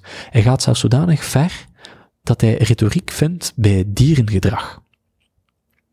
Vogelgezang is hypercomplex. Dat is, en ze hebben ook gezien dat dat niet als random is. Dat zijn echt, dat, daar zit bijna grammatica in. Dat zijn zo artikels en boeken geschreven over the grammar of birdsong. En dat is echt zo stukken die terugkeren, of echt zo zinnen maken. Dat is niet zo'n patroon. structuur. Is Ja, maar geen patroon. Geen Hmm, patroon. hmm. Een patroon als in van, eh, er zijn stukken die terugkomen, maar ze zijn niet wederkerig. Het is niet heel tijd repetitief. Er worden stukken weggelaten. Je hebt zo precies of je, zoals bij onze taal, je hebt woorden. Mhm. En je hebt zo, zo ja, eh, die werkwoorden zou ik niet zeggen, maar je hebt zo verschillende woorden. En wel, die woorden worden herhaald, maar niet altijd dezelfde volgorde. Eh, eh, soms een keer dit woord, alsof ze echt nieuwe zinnen aan het maken zijn. Of bijvoorbeeld, eh, de bijendans. Als, ze ergens als bijen een nieuwe plaats voor een korf gevonden hebben, dan gaan ze allemaal verschillende bewegingen doen. Nu, eigenlijk is dat hetzelfde als we daarnet hebben uitgelegd. Die bijen hebben een idee in hun hoofd, wel, om zo maar te zeggen, biologisch, biologisch zouden waarschijnlijk huiveren van die uitspraak, maar die hebben een idee, of ze hebben al sinds een communicatienood. Er is iets dat ze moeten communiceren. Maar ze kunnen dat niet gewoon, zoals wij, niet gewoon in de rest van de in hun hoofd steken. Dat gaat niet. Ze moeten daarvoor een communicatieve daad stellen. En de, de structuur daarvan is retorisch. In welke richting gaan ze, in welke, welke beweging, in welke graad gaan ze met hun lijf schudden, dat is ook retoriek. Dus George Kennedy gaat eigenlijk zodanig ver van te zeggen dat retoriek geen techniek is. Retoriek is niet gewoon een weerspiegeling van wat we denken. Retoriek is gewoon een dierlijk instinct. Je hebt zoiets als een retorische energie, de nood om iets te over te brengen, en dat gaat zich manifesteren in een, een communicatieve daad die sowieso retorisch geordend is en gestructureerd is. Dus retoriek is helemaal geen tool, dus dan kan het ook niet, het is geen tool, het is een instinct. Het is iets wat we altijd overal gaan doen. Dus daardoor kun, kun je ook niet zeggen dat dat op zich slecht is of verfoeilijk. Het is gewoon iets wat we doen. En we moeten het bestuderen om slecht gebruik ervan of overdaad ervan misschien te kunnen counteren. Maar het zo afdoen van we hebben het niet nodig of het, het mag geen deel uitmaken van onze utopie, is een beetje onnozel. Het maakt deel uit van onze menselijke cognitie en de manier hoe we met de wereld omgaan. Mhm. Ja, want wat je zei van het bestuderen van andere mensen met een heel andere eh retorische, wetenschappelijk, eh, wat dan ook politieke achtergrond als ons. Dus niet die, die uit de, uit, eh, de 2500-jarige geschiedenis van onze komt. Met de, met de dieren ben ik niet helemaal mee, eh, wat, wat, wat daar dan de, conclusies van zijn, maar die, die, dus het onderzoek ging dan over wat eh, gelijkenissen waren misschien tussen wat wij onder retoriek, eh, ehm, sorry, hoe dat retoriek over heel de wereld mm, convergeert in bepaalde eh, tips of in bepaalde stijlen of, of hoe dat bepaalde dingen worden gepercipieerd. Is Ja. dat het dan? Niet direct. Eh, het is niet, niet het idee dat alle retorieken dezelfde zijn, maar voornamelijk dat er ook Nee, maar wel... een paar basisstromen of, De of basisstroom is dat er een soort van idee over retoriek is. Dat is de grootste gelijkenis. Eh, dat we het percipiëren als iets wat op zichzelf staat. Retoriek. als, ehm, wacht, ik ga dat proberen concreter te maken. Eh, wij hebben in de westerse maatschappij, eh, al heel erg lang, al 2000 jaar geleden, is er ge- nagedacht geweest en gecommuniceerd geweest over wat, over retoriek. Over iets als, hoe communiceert je met elkaar? Dat is, ik zou het geen retoriek kunnen noemen. En dat is iets dat blijkt voor ons in eerste instantie iets dat ontstaan is daar, Uh, en dat dan verspreid geweest is. Maar er zijn bijvoorbeeld aboriginal culturen die nooit in contact zijn gekomen, uh, toch zeker in die periode van dat onderzoek, uh, niet in contact zijn gekomen met die, met die klassieke retoriek. En die op een heel andere manier, ik kan nu de exacte voorbeelden niet meer herinneren, mm. want die op een heel andere manier nadenken over hoe het moet gebeuren. Maar het feit is dat ze dat ook hebben. Mm.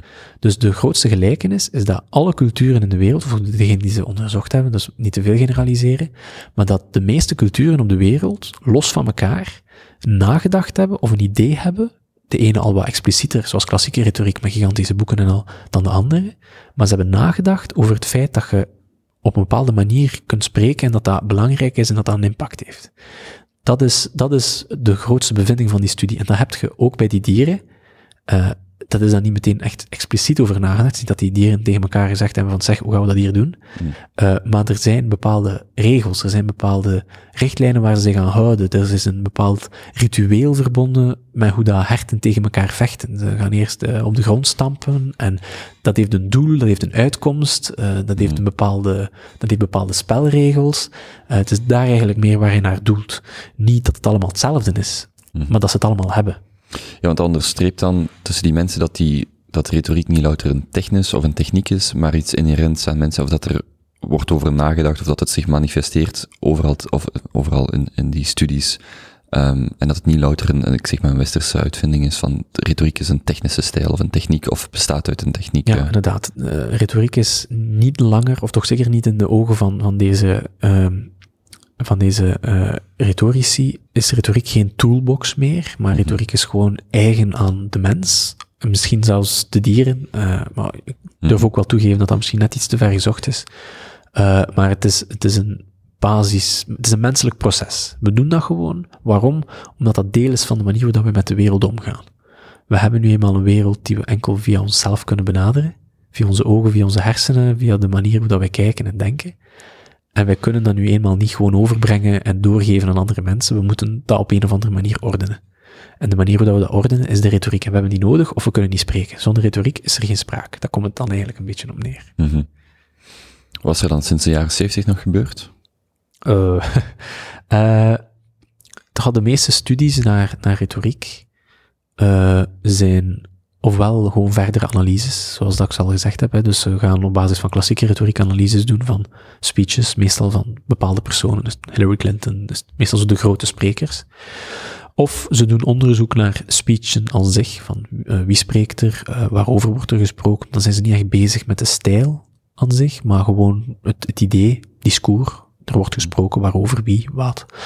Uh, of het zijn studies naar hele specifieke uh, onderdelen van retoriek. En veruit de meest, misschien zelfs overbelichte deel van retoriek zijn metaforen. De hoeveelheid literatuur over metaforen, dat is, dat is immens. Is dat ook omdat metaforen zo vaak gebruikt worden?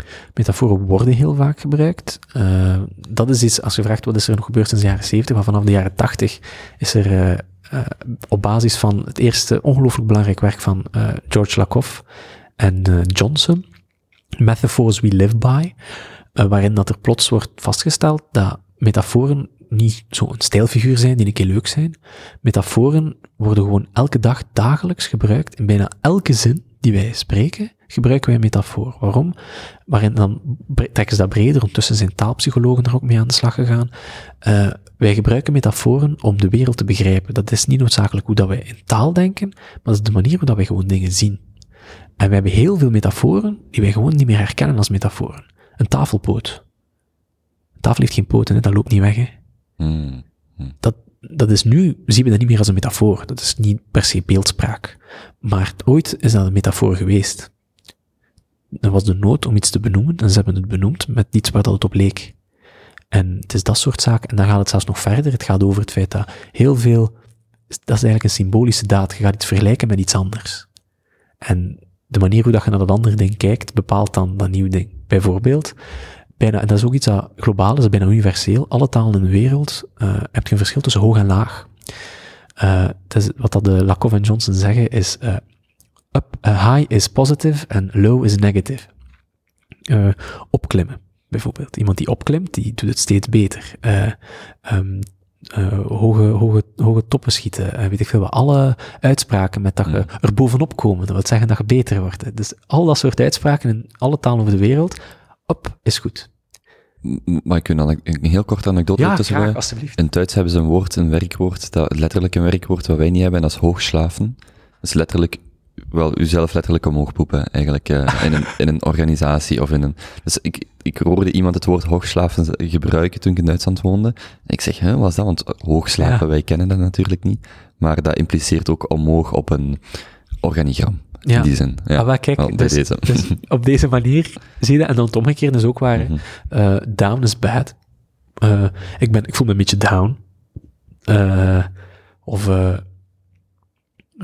aan, lager, aan lager wal. aan lager wal geraken. eh, ja, eh, het al, al zijn, zijn er heel veel eh, waarbij dat je dat eh, laag, laag gevoel, iemand van laag allooi, lage klasse, eh, zo al dat soort dingen, dat, dat heb je over heel de wereld en dat toont dat wij gewoon, en dat zijn allemaal metaforen, eigenlijk zijn dat metaforen, hè. Als ik me slecht voel, ik ben niet down, het is niet dat ik op de grond lig meteen of zo, hè. Ik bedoel, het is niet dat ik letterlijk down ben, dat is metaforisch. Ik ben niet letterlijk down, ik voel me slecht. En ik zeg, ik voel me down, omdat mensen dat op die manier dan begrijpen. En ik denk dat dat is hetgeen wat dat belangrijkste geweest is, de la- belangrijkste, een van de belangrijkste evoluties in de taalwetenschap en voor heel veel andere wetenschappen ook. Het besef dat metaforen geen stijlfiguur zijn, geen techniekje, geen middeltje, geen kunstoperatie, maar een basisidee van de manier hoe dat wij kijken naar de wereld. Eh, en metaforen worden gewoon ook heel veel gebruikt. En niet al, de meeste waarschijnlijk niet eens bewust. Ja, ja. Wacht, wat is het verschil tussen metafoor en een analogie? Eh, in literatuur is het allemaal hetzelfde. Eh, dus je, hebt, je kunt wel zeggen, bijvoorbeeld, eh, veel, zo, als je zo op middelbare school zit en je leert zo'n definitie van een metafoor. Een metafoor is een vergelijking zonder als. Eh, Dus in plaats van te zeggen, eh, Zo zwart als Juliet. de nacht. ja, Juliet is als een roos. Nee, Shakespeare zegt, nee, Juliet is the sun, zegt Shakespeare. Je had ook kunnen zeggen, ehm, Juliet is like the sun. Dat is dan een vergelijking. En Juliet is the sun is een metafoor. Omdat uiteraard is ze niet echt de zon, hè, maar dat is beeldspraak. Nu, dat is meer zo, dat is vanuit het beeld van de stijlfiguur gekeken. Voor de eh, literatuur over metaforen is het allemaal hetzelfde. Wacht, en een analogie? Dat is Analogie, maar ja, dat is dan, kunt je op dezelfde manier, dat is dan iets langer dan waarschijnlijk. eh, het- is moeilijk om dat zo definities te gaan zitten vergelijken. Een analogie is dat je iets vergelijkt met iets anders, maar uiteindelijk is dat ook iets wat dat metafoor doet. Je vergelijkt iets met iets anders omdat het bepaalde gemeenschappelijke overeenkom bepaalde overeenkomsten heeft. Mhm. Dus een analogie is een metafoor, eh, ja, een, een vergelijking is een metafoor. Het allemaal onder metafoor kunnen zetten vanuit een cognitief perspectief. Je kunt daar wel bepaalde onderscheiden in maken, gewoon om een onderscheid in te maken. Maar die zijn eerder technisch. eh, ja, ik, de, de, het is maar onwaarschijnlijk dat dat op cognitief vlak, de manier hoe dat we dat verwerken, dat dat grote verschillen gaat geven. mhm, Dat woordje als gaat het verschil niet maken. mhm. Ehm, dus dat, dat verschil is er niet echt. En dat is echt gewoon deel van hoe dat we spreken. En ik denk dat dat de, de grootste verwezenlijking, verwezenlijking is nog eens daarna. Ja, dus dat die metaforen een fundamenteel, funda- fundamenteel deel uitmaken van hoe dat wij de wereld perciperen of communiceren. Ja, en dat sterkt ook het idee dat retoriek in het algemeen misschien wel een basis is van de manier hoe dat we communiceren en spreken. Dat het niet zomaar een toolbox is. Als metaforen het niet zijn, dan is misschien de rest van de retoriek het ook niet. Hmm. Eh, dus dat, dat is eh, food for thought, zou ik Mhm. zeggen. Wat was voor u de reden om het eh, essay te schrijven? Nu gaan we even terug naar de politiek. Ja, eh goh. Het, het- Wacht, ik, ik heb Ja. misschien nog de intro, want ik weet niet of u die zelf heeft geschreven, maar dit, dit stond erbij. Onderzoeker Edward de Voogd merkt op dat partijen steeds meer beloven in de hoop het vertrouwen terug te winnen van de kiezer, maar na de verkiezingen botsen die beloftes met de compromissen die ze moeten maken om een Belgische regering te kunnen vormen. Hoe bouder de uitspraken worden, des te moeilijker het is om deze na te komen en des te groter de frustratie is bij de kiezer. dus eh, Dat was de inleiding. ja, Ja. ik, ik denk, ik heb ze niet zelf geschreven. De, de journalist heeft eh, de inleiding bijgezet op basis van wat eronder volgde. Mhm. Eh, maar het, het vat het eigenlijk wel goed samen. Dus het idee, of ja, de, reden, de eerste reden waarom ik De aanleiding om het De te aanleiding om, om, om dit te schrijven was voornamelijk omdat ik voelde dat de, het discours, het, polit- het eh, journalistiek discours, of de, het analytisch discours rond wat dat er nu vandaag gebeurt, heeft altijd al de focus gehad op de systemen, de onderhandelingen, de verhoudingen van de partijen. Als je van collega's hele, heel interessante analyses van hoe politieke partijen zich verhouden ten opzichte van hun achterban, ideologie enzovoort. Het is allemaal super interessant. En ik wil ook geen afbreuk doen aan die dingen. Dus wat je bedoelt dat, um, want is een artikel 21 november 2019 geschreven. U bedoelt dan dat pakweg sinds de verkiezingen, ik zeg maar iets, dat het heel veel gaat over de systemen en over dat soort verhoudingen. In het algemeen. In het algemeen. In het algemeen politieke analyses, analyses gaan meestal over verhoudingen, over hoe dat partijen zich over, op tegenover elkaar verhouden, hoe dat ideologieën zich tegenover elkaar verhouden, uh, hoe ze zich tegenover de stemmer verhouden. Kunnen ze in regering gaan? Gaan ze een achterban nog hebben? Dat zijn de meeste analyses. Ik wil daar niet geen afbreuk aan doen, die zijn super interessant. Ik lees die ook allemaal. Uh, en, maar. Uh, ja, maar. Er komt natuurlijk een maar. En de maar is dat, hoewel er de afgelopen tijd, zeker na deze verkiezingen, wel wat gezegd geweest is over taal en stijl en political marketing, vooral over sociale media, heb ik het gevoel dat we misschien neigen om het op de verkeerde dingen af te schuiven. En heel concreet, een van de grootste redenen die gegeven zijn geweest voor het succes bijvoorbeeld van Vlaams Belang, voor hun verkiezingen, was hun sociale media campagne. Er zijn daar voor experts sociale media uitgenodigd geweest op de VRT, die dan uitlegden hoe dat ze dat gedaan hebben, de immense uitgaven die Vlaams Belang hebben gedaan op Facebook, uh, de hoeveelheid views dat die gehad hebben, hoe lang dat die er al mee bezig zijn, de manier waarop enzovoort.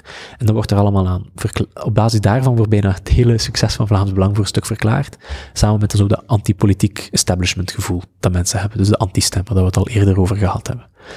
En ik vrees een beetje dat door het op die manier te kaderen, dat we in een vicieuze cirkel gaan, dat we nog verder gaan zakken in een bepaalde vicieuze cirkel, die ik nu even zal toelichten. Uh, de afgelopen jaren, uh, dus eigenlijk zo, political marketing is het toepassen van commerciële marketingtechnieken zoals uh, branding, uw merk sterk maken, bepaalde one-liners, slogans enzovoort die soort technieken gaan toepassen op politiek. Dus politieke partijen gaan marketing doen. De nieuwe voorzitter van de CD&V zei in de afspraak afgelopen week dat ze een mission statement moesten... Ah, dat, is hier, dat is een voorbeeld daar knal uitgenomen. Of bijvoorbeeld de nieuwe voorzitter van uh, eh, SPA, Conor Rousseau, die zich vol een bak personal aan branden is. Hè. Hmm. Conor Maticus Rousseau, ik bedoel, dat is pure personal branding, dat is voor zorgen dat mensen hem kennen. En dat komt uit de commerciële marketing of de, de uh, marketing en dat wordt dan op de politiek geprojecteerd. Ja, inderdaad. Dus dat is wat er gebeurd is. Dat heeft een enorme surge gekend, zeker sinds de jaren 90. Surge, uh, gebeeld opkomst. Ja, een enorme, een enorme opkomst. ja. een opkomst van, van allemaal verschillende technieken, steeds meer, steeds uh, geavanceerder. Ik bedoel, in de Verenigde Staten is dat nog veel meer dan hier. Zeker omdat in België zijn er heel wat restricties op de manier waarop er campagne wordt gevoerd. Hè. Geen advertising op uh, televisie en zo, of radio. Maar desalniettemin zijn we in een stijl beland waar politiek draait rond one-liners. Uh, hele korte zinnen, uh, hele boude uitspraken. Politieke partijen worden geforceerd, of ja, geforceerd worden aangemoedigd om aan branding te doen. Dat wil zeggen dat mensen een heel duidelijk idee moeten hebben van waar die partij voor staat. Wat is de identiteit van die partij? Uh, PvdA voor de arbeiders um, de Open VLD voor de ondernemers en zelfstandigen, de CD&V voor de gezinnen enzovoort. Hè. Dus zo, en daardoor moeten ze ook heel duidelijke communicatie doen. Duidelijk als in van uh, eenduidig, en niet te veel verschillende dingen, vaak één issue, uh, één, over één zaak dat ze vooral gaan spreken, niet over dit en dat en sociaal en economisch en migratie. En hè, dat betekent dat ze over één iets gaan, gaan hebben. En ook heel veel beloven. Uh, dat is daar een deel van. Ik bedoel, politici hebben altijd al dingen beloofd. Ik bedoel, dat is niks nieuws. Maar er is wel een verschil. De afgelopen decennia, terwijl dat we steeds bouder en korter en krachtiger gingen communiceren als politici, zijn de manier waarop we onderhandelingen moeten doen, politiek, steeds complexer geworden. Door de uh, communautaire verschillen, door het feit dat er meer partijen, meer partijen die er zijn. Uh, het gaat over de, de verspreidheid van de kiezers, mm versnippering aan rechts, versnippering langs links. Uh, de compromissen worden steeds groter, die moeten gemaakt worden. Als we, we kijken waarschijnlijk aan uh, naar een uh, regering, waarschijnlijk met minstens vier politieke partijen. Ik bedoel, alleen in de jaren 50 was dat ongezien. Ja. Vier politieke partijen in de regering. Nederland is daar ook een mooi voorbeeld van, van de versnippering van de politiek, uh, omdat daar de particratie minder sterk staat. Ja, bij ons hebben we nog een, is enorm. Bij ons hebben we nog een enorme particratie en dat is ook iets van de dingen die eraan bijdraagt. Dus wat gebeurt er nu? We hebben aan de ene kant hebben we de, inter, hebben de, de, de interactie of de verhouding tussen de politici en de kiezer. Waar dat de politici eigenlijk heel duidelijk klare taalgebruik gebruiken, uh, om heel veel dingen te beloven, en de kiezer aan zich te binden. volgens commerciële marketingtechnieken. Hiermee geven ze de kiezer het gevoel dat politiek iets is dat eenduidig is en rechtlijnig. Wat gebeurt er dan? De kiezer die gaat gaan stemmen. En het commerciële, het politieke marketingmodel zegt eigenlijk van ja, dat is zoals in de markt, hè, de kiezer gaat gaan stemmen. Dus zoals de kiezer een wasmachine gaat kopen, uh, die komt met geld, die koopt de wasmachine van het merk dat hij wil, die geeft dat geld, heeft de wasmachine van. Maar dat gebeurt niet in de politiek. In de politiek gaat die transactie zo niet. De kiezer gaat gaan stemmen, geeft zijn stem, en dan weten we niet wat ermee gebeurt. Hmm. Dus de kiezer is zijn stem kwijt. En dan verschuift de focus naar niet meer de, de interactie tussen politici tussen politicus en kiezer, maar tussen de politici onderling. En of dat de kiezer ooit nog een keer die beloftes terugziet, hangt af van of dat de partij waarvoor die gestemd heeft een regering kan vormen en een, bestuursbe en een beleid en een bestuursakkoord kan maken, waarin die dingen staan, en dat dan ook nog kunnen uitvoeren achteraf in een regering met alle legale, ministeriële en beslommeringen die er zijn. Dus naast dat enorm, wat dan nu enorm op gefocust wordt, naast die campagnevoering, is de politiek bijzonder complex. Daar zit een heel systeem achter. Dus de stem gaat naar de politicus. Die politicus moet dan eerst de regering maken, proberen maken. En dan in die regering dat die issue er proberen doorduwen. En dan ook nog een keer legaal en juridisch correct uitvoeren. Want dat zien we niet. Dus wat gebeurt er? Terwijl dat we aan de kiezer zeggen, oh, het is allemaal heel gemakkelijk, wij beloven dit, wij beloven dat, we moeten voor ons stemmen.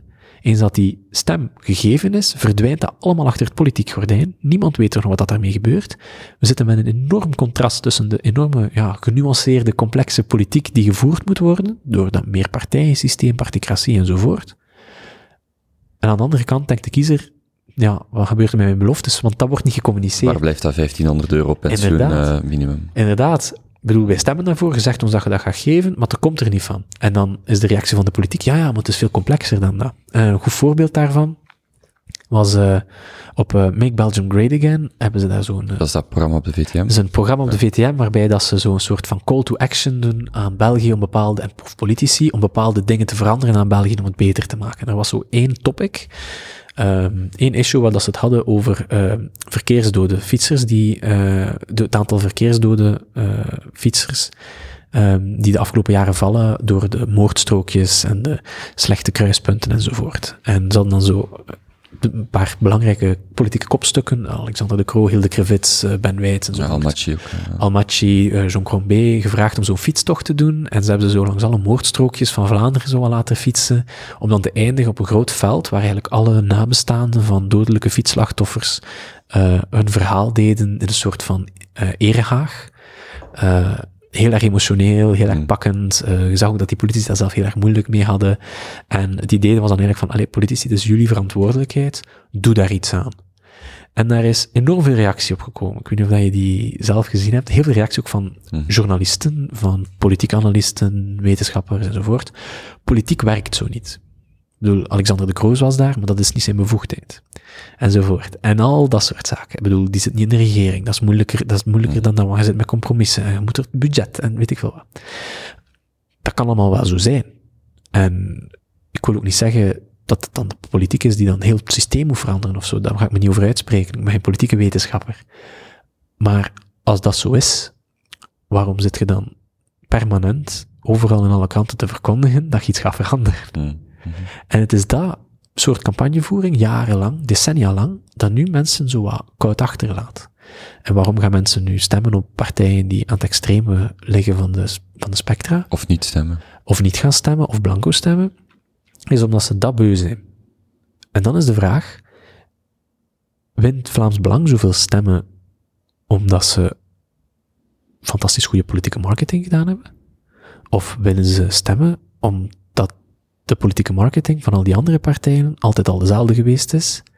En in contrast zet met hetgeen wat ze daarna doen. Hmm. En nu geven we de indruk dat het is omdat ze fantastisch goede sociale media gedaan hebben. Dus wat gaan al die andere partijen nu doen? Extra inzetten op sociale media de volgende verkiezingen. Mhm. Terwijl het misschien net dat soort idee is, of dat dan nu op de sociale media was of niet. Misschien is het net, dat is, volgens mijn analyse dan, is het net dat soort politiek uh, marketing, dat uh, hele bouwde uitspraken, want draait of keer op Facebook doe je bouwde uitspraken, maar je hebt de kans niet om te nuanceren, niet de plaats. Gaan ze dat gewoon net nog meer doen. Om zo toch terug de kiezers aan zich te winnen. Dus we blijven eigenlijk buiten gaan en, en meer micro-targeten en meer die kiezer individu individueel gaan aanspreken en zeggen van we gaan dag geven aan u, want dat hebben we nodig, Mhm. enzovoort.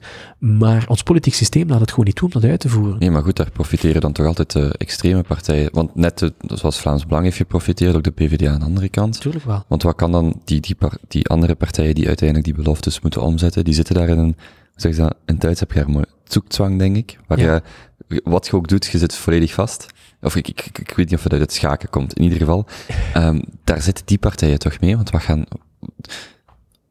wat moeten die dan vandaag dan wel daaraan doen? Ja, ik, En, en ik stel de vraag vooral vanuit mijn perspectief als kiezer. Dus nog niet zozeer wat moeten die partijen, want ik heb er weinig tot geen medelijden mee. Maar wat moeten die partijen dan doen om mij te graag horen. hè. Ja, ja. eh, ja, ik, ik vraag me dan af, omdat bij mij bij elke verkiezing is voor mijzelf persoonlijk de eerste vraag is niet op wie ga ik stemmen. Dat komt later. De vraag is, ga ik überhaupt stemmen? Ben ik akkoord met het proces zoals het hier loopt? En ik, ik weet dat ik, eh, ik ben hier in Antwerpen de gemeenteraadsverkiezingen niet gaan stemmen, omdat ik het, ehm ehm omdat ik absoluut niet akkoord ging op dat moment met de politieke stijl en, de, en ook de retoriek bijvoorbeeld van eh, Chris Peters een transmigrant noemen en de al die dingen, ik heb dat vrij dicht gevolgd. Ik ben gewoon Ja. niet gaan stemmen en ik heb dat, dat is voor mij altijd de eerste vraag. En, ik, en dus, dus eh, van daaruit komt ook die vraag van, hoe kan zelfs een partij waar ik, of zelfs de partijen waar ik naar geneigd ben om mijn stem aan te geven, ben ik, volg ik mij, volg ik mij, en dat is ook waarom ik uw artikel zo graag heb gelezen, voel ik zo'n afstand tussen de, tussen de, niet louter het inhoudelijke, maar ook de stijl en waarop gefocust wordt en de type van debatten dat gevoerd worden. Ik zelfs denk, mijn stem hier aan geven, dat is mijn standpunt dan, mijn stem hier aan geven voelt als het legitimeren van de manier waarop er aan politiek gedaan wordt. En ik ben zelfs niet overtuigd dat ik dat wil doen, los nog van de, het, het inhoudelijke dan, op wie ga ik dan stemmen? Eh, ik vind dat hele, ik vind de, ik vind uw voorbeeld eigenlijk perfect om te gaan uitleggen wat dat nog het grotere probleem is. Hè. Ehm, het is niet alleen dat extreme partijen zo met de, met de pluimen gaan lopen. Eh, het is ook zo dat we een enorm deel van ons electoraat aan het verliezen zijn. Geëngageerde mensen die willen gaan stemmen, die daar nog de moed voor hebben, of de interesse in zien, of het, het, eh, het voordeel van inzien, wordt steeds kleiner. Uh, en dat is omdat we met de manier waarop dat we nu campagne aan het voeren zijn, dat heeft niet noodzakelijk met de harde stijl te maken volgens mij, maar met de manier hoe dat we uh, proberen, eigenlijk alle partijen proberen een beetje populistisch te zijn in dat, in dat opzicht, door te gaan kijken wat willen ze, we gaan het ze zeggen dat we het gaan geven, zonder rekening te houden dat ze dat absoluut niet, niet kunnen verwezenlijken, omdat ze altijd in een coalitie gaan moeten zitten. We maken met onze manier van politieke marketing ons eigen politiek systeem kapot er gaat niks van overblijven. We gaan steeds minder mensen hebben die willen gaan kiezen. Um, partijen die niet aan de macht zijn geraakt, gaan er met de pluimen gaan lopen. En het ergste van al is, of het, het, paradoxale van al is, dat op het moment dat een partij zoals Vlaams Belang of PvdA aan de macht komt, of te zeggen, als op het moment dat ze toch de neiging of de druk voelen, de andere partijen, om zo'n partij mee in de coalitie te nemen, gaan deze partijen exact in hetzelfde bedje ziek zijn. Want hun communicatiestijl is juist dezelfde als van al die anderen. Misschien zelfs nog extremer. Dus de kloof met wat dat ze gaan kunnen verwezenlijken, als ze in een coalitie zitten, tenzij ze absolute meerderheid hebben, maar ik hoop van harte ja. dat geen enkele partij dat ooit zal hebben, want ik vind dat eigenlijk maar een enge gedachte, uh, zal het altijd zo zijn dat die kloof met wat dat ze effectief kunnen doen, gaat enorm groot zijn. En gaan zij ook bij het establishment horen. Ook bij die politici horen die veel beloofd hebben en niks gedaan hebben. Dus tenzij dat er dan altijd nieuwe partijen oppoppen, wat dat misschien wel zo zal zijn, gaan we daar niet meer uit geraken. Dus de vraag is, wat moeten we daar nu mee doen? Wat kunnen we daaraan doen? Ik denk dat in eerste instantie moeten we ons afvragen wat voor soort democratie dat we willen. Uh, er zijn verschillende soorten democratie mogelijk, verschillende modellen democratie. Ene model is een soort van elitaire democratie. Ik ga nu geen, uh, geen voorkeur uitspreken voor het een of het andere, ze, zijn alle, ze kunnen allebei. Elitaire democratie is een democratie waar je zegt van kijk, je hebt mensen die weten waar dat over gaat. Uh, en die mensen, die moeten de macht hebben. Wacht, dat is toch onze parlementaire ja, representatieve democratie? Dat, dat die mensen weten waar dat over gaat. Maar Ja. technocratie, technocratieën zou je dan ook meer een beetje zo in die richting zou kunnen gaan. Je hebt mensen die weten wat het over gaat, zij moeten het weten, wij stemmen voor die mensen. Wacht, maar dan heeft u het richting technocratie. Richting technocratie. Ja. Uh, en dat wil dan zeggen, dus wij stemmen wel voor die mensen, maar de mensen die er voorop komen, zijn mensen die in het veld zitten, uh, die er uh, verstand van hebben. En wat dat je dan hebt, wat voor soort political marketing heb je dan nodig? Dat is de marketing die met sales te maken heeft. Als je denkt van ja, het heeft geen zin dat iedereen begint van alles en zo van ideeën te lanceren over economie, als je daar eigenlijk niet te veel over weet, kan hè, dat dat de visie is, uh, dan kun je dat soort doen. Welke marketing heb je nodig? Sales marketing. Want die mensen, die technocraten, moeten hun ideeën verkocht krijgen. Dat is de perfecte manier om dat te doen. Die technocraten gaan waarschijnlijk dan ook op een, die kloof wordt op een andere manier dan gedicht, omdat je zit dan niet met compromissen noodzakelijk, je zit met een soort van business-achtig model. Uh, jij kiest, het volk kiest een bepaald businessmodel en die tekenen dat dan uit ofzovoort. Kosten, baten, wat gaat, wat gaat niet. Ah, je, kunt dat, je kunt dat op die manier doen. Dat wil niet zeggen dat het een rationeel systeem gaat worden, mm. maar je hebt sales marketing nodig als in van, die technocraten moeten niet op zoek gaan naar wat dat de mensen willen om aan de macht te geraken. Die technocraten moeten zich afvragen, hoe gaan we ervoor zorgen dat de mensen snappen en overtuigd geraken van hetgeen wat dat wij denken dat best is. Mm. Dat is een heel andere manier. Nu is het, wat willen de mensen? Ik ga het, ik ga het zeggen wat dat ze willen, zodat ze op mij gaan stemmen. Dat is het, uh, dat is het uh, dominante marketingmodel vandaag. Vooral in de Verenigde Staten, waar dat ze gewoon continu elke, elk dorp aan het pollen zijn met enquêtes om te weten wat ze willen, zodat ze dat achteraf kunnen gaan verkondigen. Een ander model van democratie is een um, deliberatieve democratie. Dat is een democratie zoals we meestal kennen, zoals het ook in Griekenland naar boven gekomen is, dat mensen, al alle mensen eigenlijk het recht hebben om mee daaraan deel te nemen. En dat alle mensen kunnen meebeslissen en um, wetten vormgeven enzovoort. Dat is de deliberatieve democratie. Nu, daar heb je ook niet dat soort marketing nodig waarin je eerst gaat vragen wat wilt je allemaal. Nee, daarin is het eigenlijk de bedoeling dat de mensen zelf afkomen. En daarin... Spreek je dan over het lotingssysteem gelijk Van Rijbroek erover schrijft? Ja, ik ben, ja, het lotingssysteem is het niet noodzakelijk. Omdat... Maar eh, valt het lotingssysteem onder een deliberatief systeem? Want dat, dat, is waar ik aan moest denken als u het zo zegt. Ja, maar, dat is het niet. Maar je, je lotingssysteem is nog anders, omdat niet iedereen de kans heeft. Iedereen heeft de kans als in van ze kunnen gelood worden, maar als je niet gelood wordt, dan kun je niets doen. Oké, en wat is dan het deliberatief systeem? Dat zou dan eigenlijk, dus, dus je kunt dat heel ruim tekenen. Hè. Ik bedoel, dat kan een deel daarvan zijn, hè, dat lotingssysteem. Maar um, hoe dat bijvoorbeeld in de literatuur van politieke marketing meestal wordt uitgelegd, is dat je eigenlijk een systeem krijgt waarin dat partijen samen met, of politici, dat hoeft zelfs geen partijen te zijn, samen met de mensen in dialoog gaan en zo tot ideeën komen. Nu, dat, klinkt heel vaag en uh, kumbaya en van die toestanden.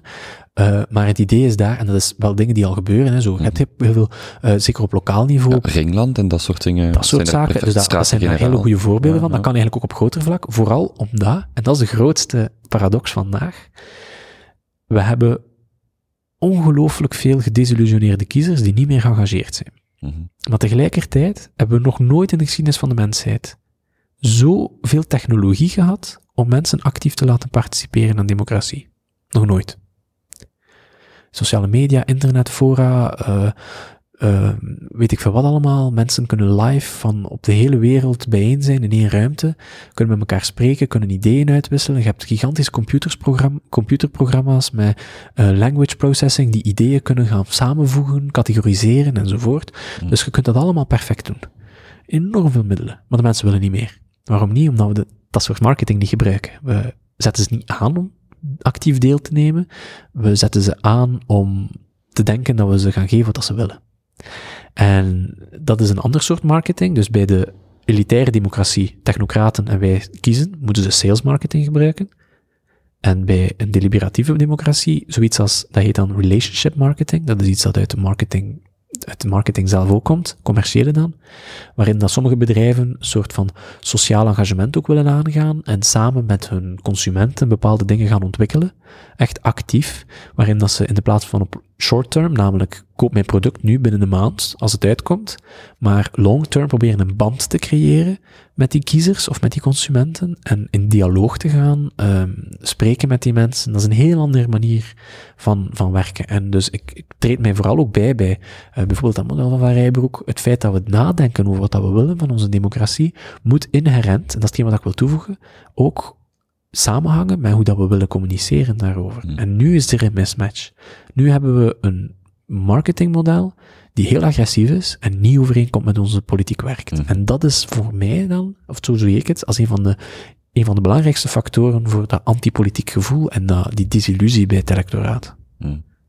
Heeft u uh, Radical Markets van Glenn Weil al gelezen? Uh, nee, Zegt ik heb ervan gehoord. Ik heb hem niet gelezen. Ah, ik denk, uh, want, ik heb het ook, dat gaat mij met mijn petje te boven. Ik vind dat moeilijk om te volgen, maar er staan ook heel veel ideeën en, en de historie van die ideeën, um, om net die basisdemocratie, om die, maar ook de, um, sorry, om bepaalde excessen in bepaalde systemen uh, uit te wissen. Of, of, of te, te nivelleren op een bepaalde manier. Dus bijvoorbeeld, je hebt daar uh, het idee van kwadraten stemmen. Meestal een stem, afhankelijk van hoe je het bekijkt, dus ofwel één persoon één stem, ja. of één euro één stem, afhankelijk van de verschillende systemen. Maar je kunt dan op, uh, um, als je kwadraten stemt, of quadratic voting, dan hebben, dan heeft uw preferentie ook een gewicht. Dus in plaats van, gelijk in, in, in de VS is daar een goed voorbeeld van, gestemd op één partij, en het is een twee, twee partijen systeem, dus is alles of niks.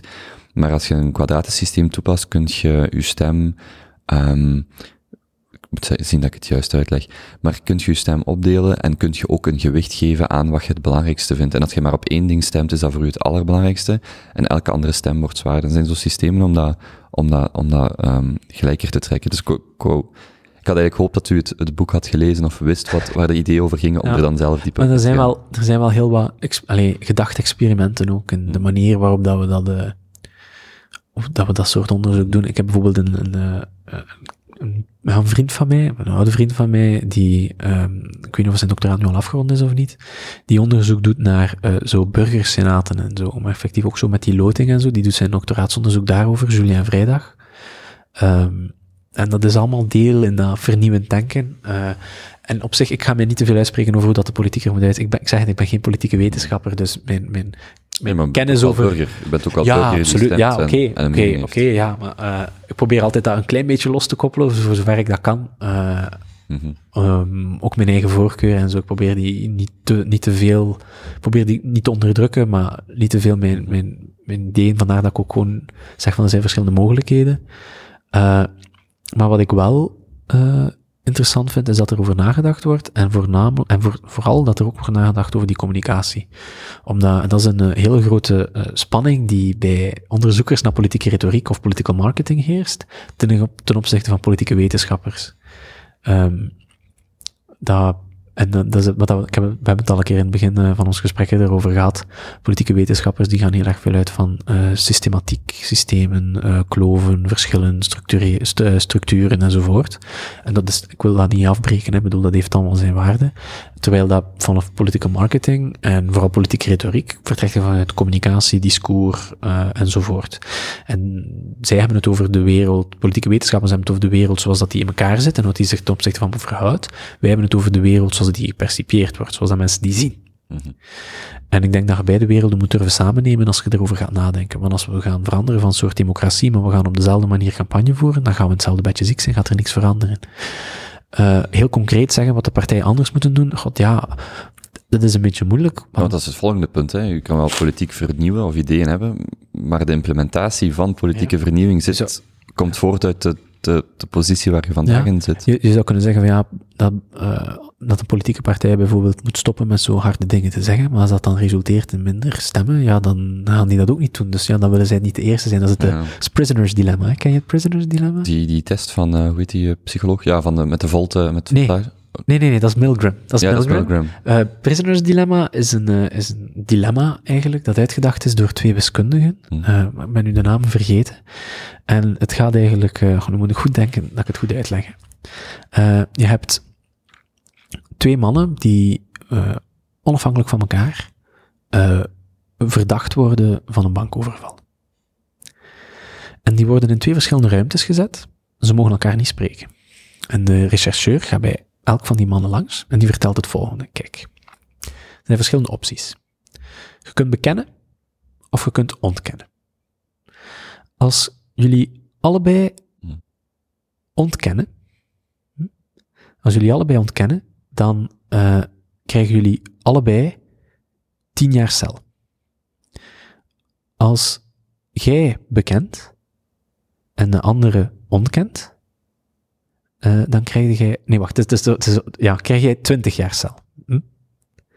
Als jij ontkent en de andere bekent, dan krijgt de andere 20 jaar cel. En als jullie allebei bekennen, dan krijg je maar vijf jaar cel. Hmm. En de, het risico, het, het, een rationeel mens, als ze allebei rationeel waren, zouden ze allebei bekennen. Mhm. Waarom? Dan hebben ze eigenlijk minst kans op, om, langs, om lang vast te zitten. Dan is het eigenlijk vijf jaar cel en het minst risico. Maar wat gaan ze doen? Ze gaan allebei ontkennen. Waarom? Omdat zij niet willen opdraaien voor die ander. Mhm. En dat is het prisoners dilemma. Het zou eigenlijk beter zijn dat iedereen collectief beslist. Dat is hetzelfde probleem met zo'n klimaattoppen en zo. Niemand wil ingeven, omdat zij de enige zijn, dan zijn, gaan zij dupe zijn. Dus dan gaan ze liever allemaal tezamen ten onder. Dus dat is ook zo bij de politiek. Als je de manier van communicatie wilt veranderen, moet eigenlijk iedereen dat tegelijkertijd doen. Maar niemand wil dat, omwille van prisoners dilemma, want als zij de enige zijn en de rest die houdt zich daar niet aan, dan zijn zij de dupe. Ze willen niet opdraaien voor de rest. Mhm. In, eh, in, de, in The Dark Knight, ik weet niet welke, heb je de, de, de trilogie gezien? Ja, Van, eh, ja, daar wordt het Prisoners Dilemma, maar daar eindigt het dan wel goed. Als die, ehm, uiteraard.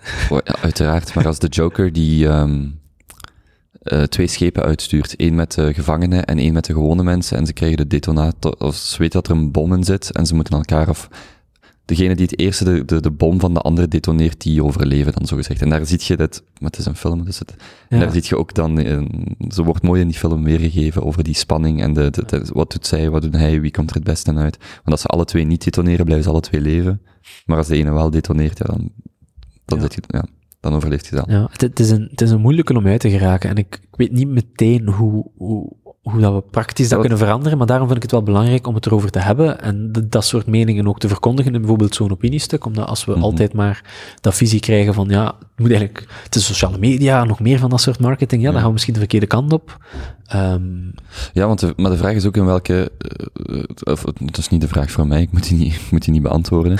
Maar je wilt ook niet, je, je weet ook niet per se welk, ik kan me voorstellen als politieke partij, weet je ook niet per se welk spel gaan spelen zij. Dat je bijvoorbeeld, zou kunnen voorstellen van we stoppen allemaal met het op die of die manier te vertellen. Maar je wilt ook niet het land zijn dat zegt, wij gaan geen buskruid gebruiken, want wij zijn daar niet voor. En dan word je gewoon ingenomen door het land naast je, want die gebruiken wel. Wat ik bedoel is, je moet ook zeker zijn dat het spelletje dat je speelt, dat je allemaal hetzelfde spel aan het spelen ja, bent. dat is, dat is met dat dat, iets- prisoners dilemma, omdat Ja. dat iemand niet meespeelt, valt het in duigen. Hè. Ja. Iedereen moet collectief zeggen ja en het dan ook effectief doen, of het valt, het valt volledig in het water. Mhm. Het probleem is dat je dat heel moeilijk kunt garanderen. Eh, Ja, want, want dat is, maar dat is, toch, dat is toch volledig utopisch om te denken dat mensen, dat, dat partijen van morgen op, op zo'n manier gaan ja, overeenkomen. eh, tuurlijk wel. En eh, dat is ook het hele probleem daar ook mee. Het is niet alleen de partij, maar ook de kiezer. Als we bijvoorbeeld naar zo'n deliberatieve democratie willen, ik durf niet mijn hand ervoor in het vuur te steken dat mensen actief willen deelnemen aan Hmm. politiek. Zelfs al zouden we ze proberen motiveren. Mhm. Er gaan gewoon heel veel mensen zijn die gewoon liever gaan stemmen en zeggen van lost geit maar op, Ja, ik ga me daar niet mee keer in de vijf jaar en Ah, dan wel ja, de stap Dus, lost. dus Ja. dat is natuurlijk een ideaalbeeld. Vandaar dat ik ook niet zei van we moeten daar naartoe of we moeten daar naartoe. Nee, wat dat voor mij belangrijk is, dat we erover nadenken, dat we het snappen, dat we het begrijpen. Wil dat dan zeggen dat het meteen allemaal gaat veranderen of moet veranderen? God, ja, als dat kan, ja, dan is dat altijd wel fijn, denk ik. Eh, maar voornamelijk een soort van inzicht bieden. Niet alleen als onderzoekers, maar ook bij de mensen. Dat ze weten dat de manier hoe dat politici spreken, dat daar een idee achter zit, dat daar een inzicht achter zit, een strategie achter zit. Eh, of, of niet, of dat dat ge- gestuurd wordt door wat dat gewoon de politiek vandaag gewoon is, dat het een soort van politieke eh, cultuur geworden is. En dat ze die cultuur kunnen snappen. Ik denk dat dat het belangrijkste is voor onderzoekers die zich daarmee bezighouden. Ik denk dat het idee dat je als onderzoeker de wereld gaat veranderen op, een- op een wit paard, dat dat eh, lang verdwenen is. En we leven niet in sprookjeswerelden. Eh, maar zeker bij zo'n social science is het toch echt wel de bedoeling om, om ook inzicht te bieden. Zeker als het gaat over politiek, want dat je niet gewoon gaat kunnen veranderen. Het is niet, ik kan geen actiecomité's beginnen oprichten om dat te gaan doen. Eh, Dat is ook niet aan mij om dat te doen. Mhm. Eh, maar het is wel belangrijk dat we daarover blijven nadenken, dat we die discussie durven aangaan. En dat we niet gewoon vanuit structuren en inhoud blijven denken, maar dat we die taal daar echt gaan bij betrekken. Mhm. Ik weet nog, ik denk dat dat een voorbeeld was van een, van een universiteit. Je zou het ook op een gemeenteraad of zelfs op een, op een federaal niveau kunnen bekijken, maar dat was het idee. Stel, je hebt 5000 kiezers voor iets en je hebt ehm, vijf categorieën en in elke categorie moet er ehm, uit vijf voorstellen moet het beste worden gekozen. Hè, dus, eh, wacht, om het makkelijk te maken. Je hebt tien gemeenteraadsleden en die moeten ieder ehm, tien bepaalde keuzes maken. Of voor tien, uit, de- uit tien keuzes moeten die er een aantal kiezen en prioritiseren. En hoe groter die groep mensen die je wilt activeren, dus uw 5000 kiezers of zo, um, hoe moeilijker dat het wordt om, om dingen erdoor, om, om een consensus te vinden. Ja. En het idee daar was, als je weet dat je bijvoorbeeld een groep van, ik denk dat dat in de universiteit was, als je een groep van 5000 st uh, studenten hebt, die dus iemand gaan moeten verkiezen die dan hun representeert en die dan tot consensus komt tussen al die ideeën. Wat je doet is, je verdeelt die groep van 5000 studenten in wat dan statistisch ook de, de, de representatieve uh, steekproeven zijn, als ik het juiste woord gebruik, van, ik zeg maar groepjes van 500, en je legt die gewoon rechtstreeks die ideeën tussen, zodat, zodat die, die groep van 500 representatief is voor de volledige groep, maar dat je veel sneller die, al die beslissingen kunt gaan nemen. Zo dat soort modellen, ik weet niet of ik het juist uitleg, maar dan vraag ik mij af, ja, ik zou dat wel cool vinden dat wij, allee, of als op lokaal niveau, als de stad Antwerpen zegt, kijk, dit zijn de ideeën, jij zit voor deze, jij zit in deze groep en uh, wat jij stemt, of wat jij kiest, gaat rechtstreeks effect hebben op wat dat die gemeenteraad gaat uitvoeren. Aan de andere kant, dan verwacht je ook van mensen dat ze misschien elke maand, elke zes maanden, elke twaalf maanden ook deelnemen aan die gesprekken of aan die beslissingen waar het nu gewoon één keer om de vijf jaar gaan stemmen is. Hmm.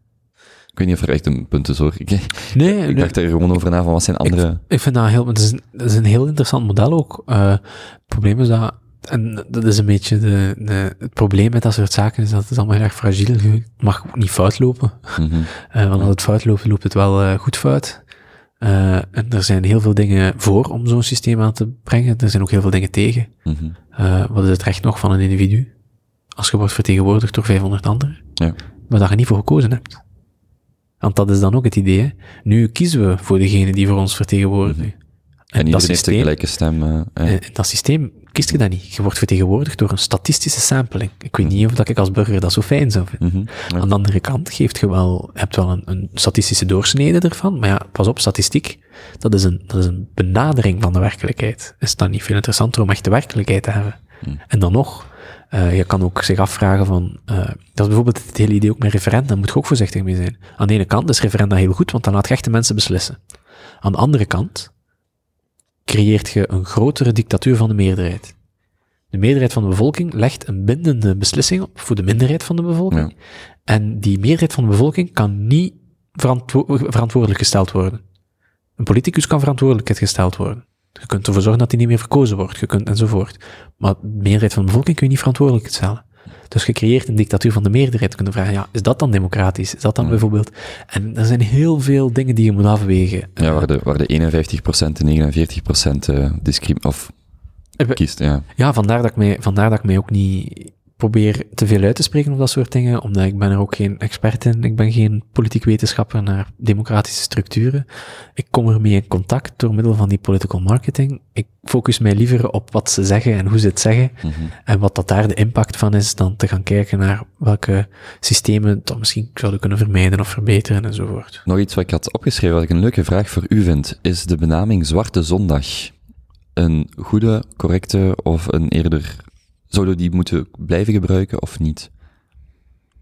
Uh, maar als er één iets is dat ik geleerd heb van uh, politieke taal te bestuderen, is dat het absoluut totaal nonsensicaal is voor iemand om te zeggen dat, het, dat je het moet of niet moet gebruiken, want dat gebeurt toch niet. Het is, het is de taal is iets dat groeit, cultiveert, dat gaat naar alle kanten, waar dat, dat kruipt waar dat wil kruipen. En waar dat mensen willen dat kruipt. En of dat iemand nu zegt, dat mag je gebruiken of niet, dat doet er absoluut niks toe. uh, als het gaat gebruikt worden, gaat het gebruikt worden. Als het in onbruik raakt, gaat het in onbruik raken. Dus daar kan ik niks aan doen.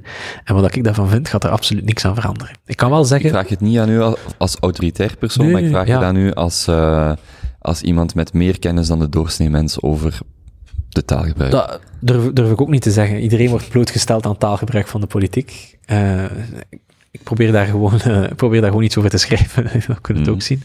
Uh, ik denk dat een term als Zwarte Zondag, ik, ik, wil niet zeggen of dat je dat moet gebruiken of niet gebruiken. Ik denk dat je dat ook af, afhangt van wie dat je zijt en wat dat je ermee wilt doen.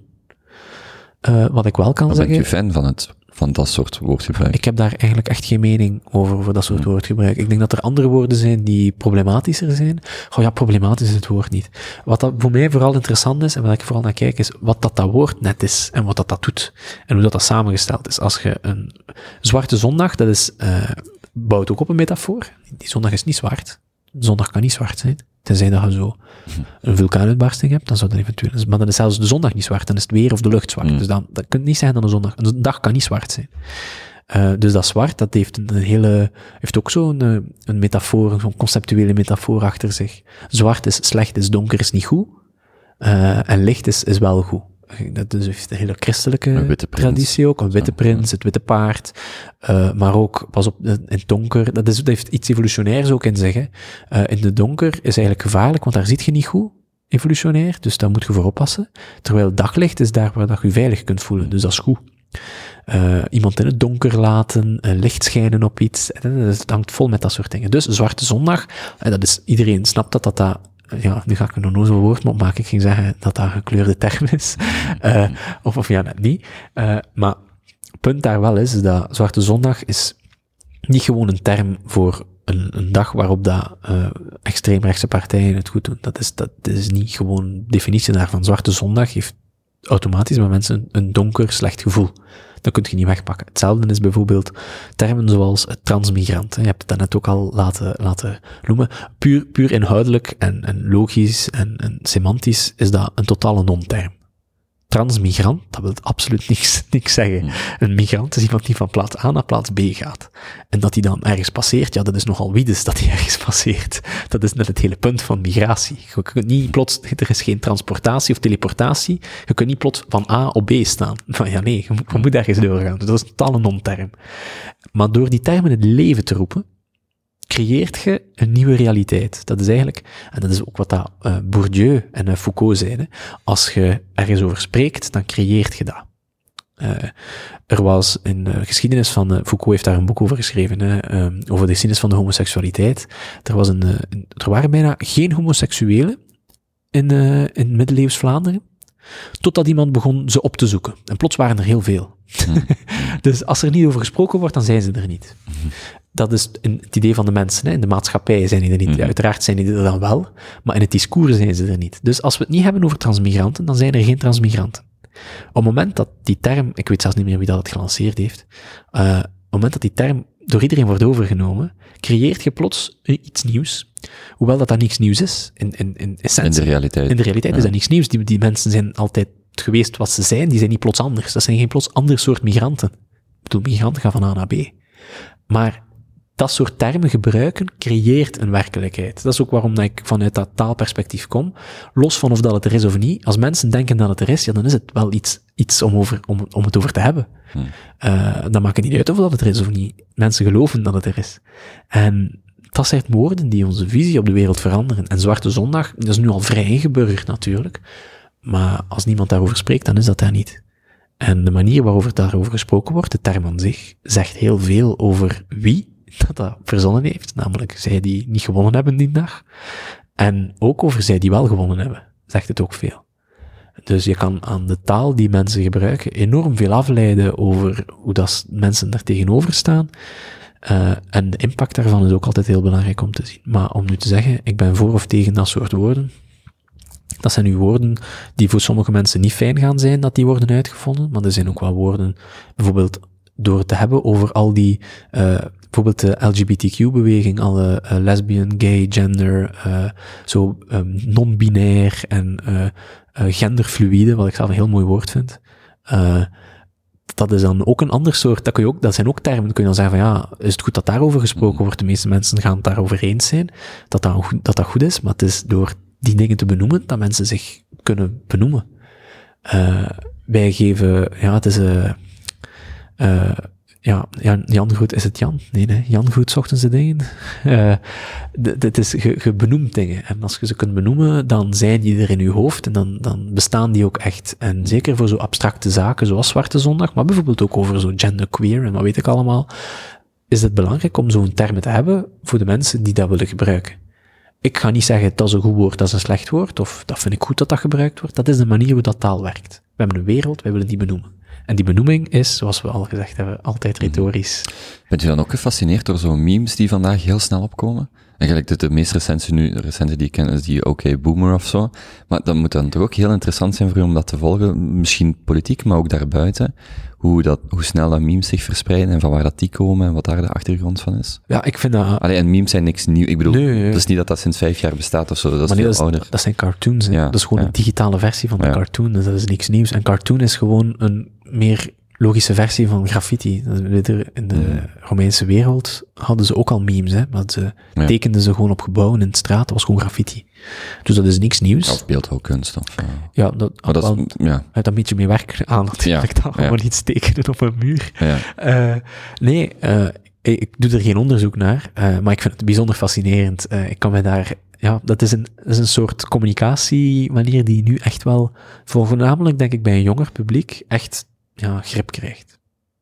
En met de memefabrieken, onder andere van politieke partijen. Ja, ja, En, en sluit ook aan bij trollenlegers en dat soort dingen, al, hoewel dat, dat wel meevalt. Maar dat moet toch fascinerend zijn om dat te volgen? ik, ik, ja ik, ik volg het nu niet zo, ik volg wel alle politieke partijen op Facebook, Twitter Hmm. en dat soort zaken, en Instagram enzovoort, voor, voor mijn onderzoek en om daar wat zicht op te krijgen.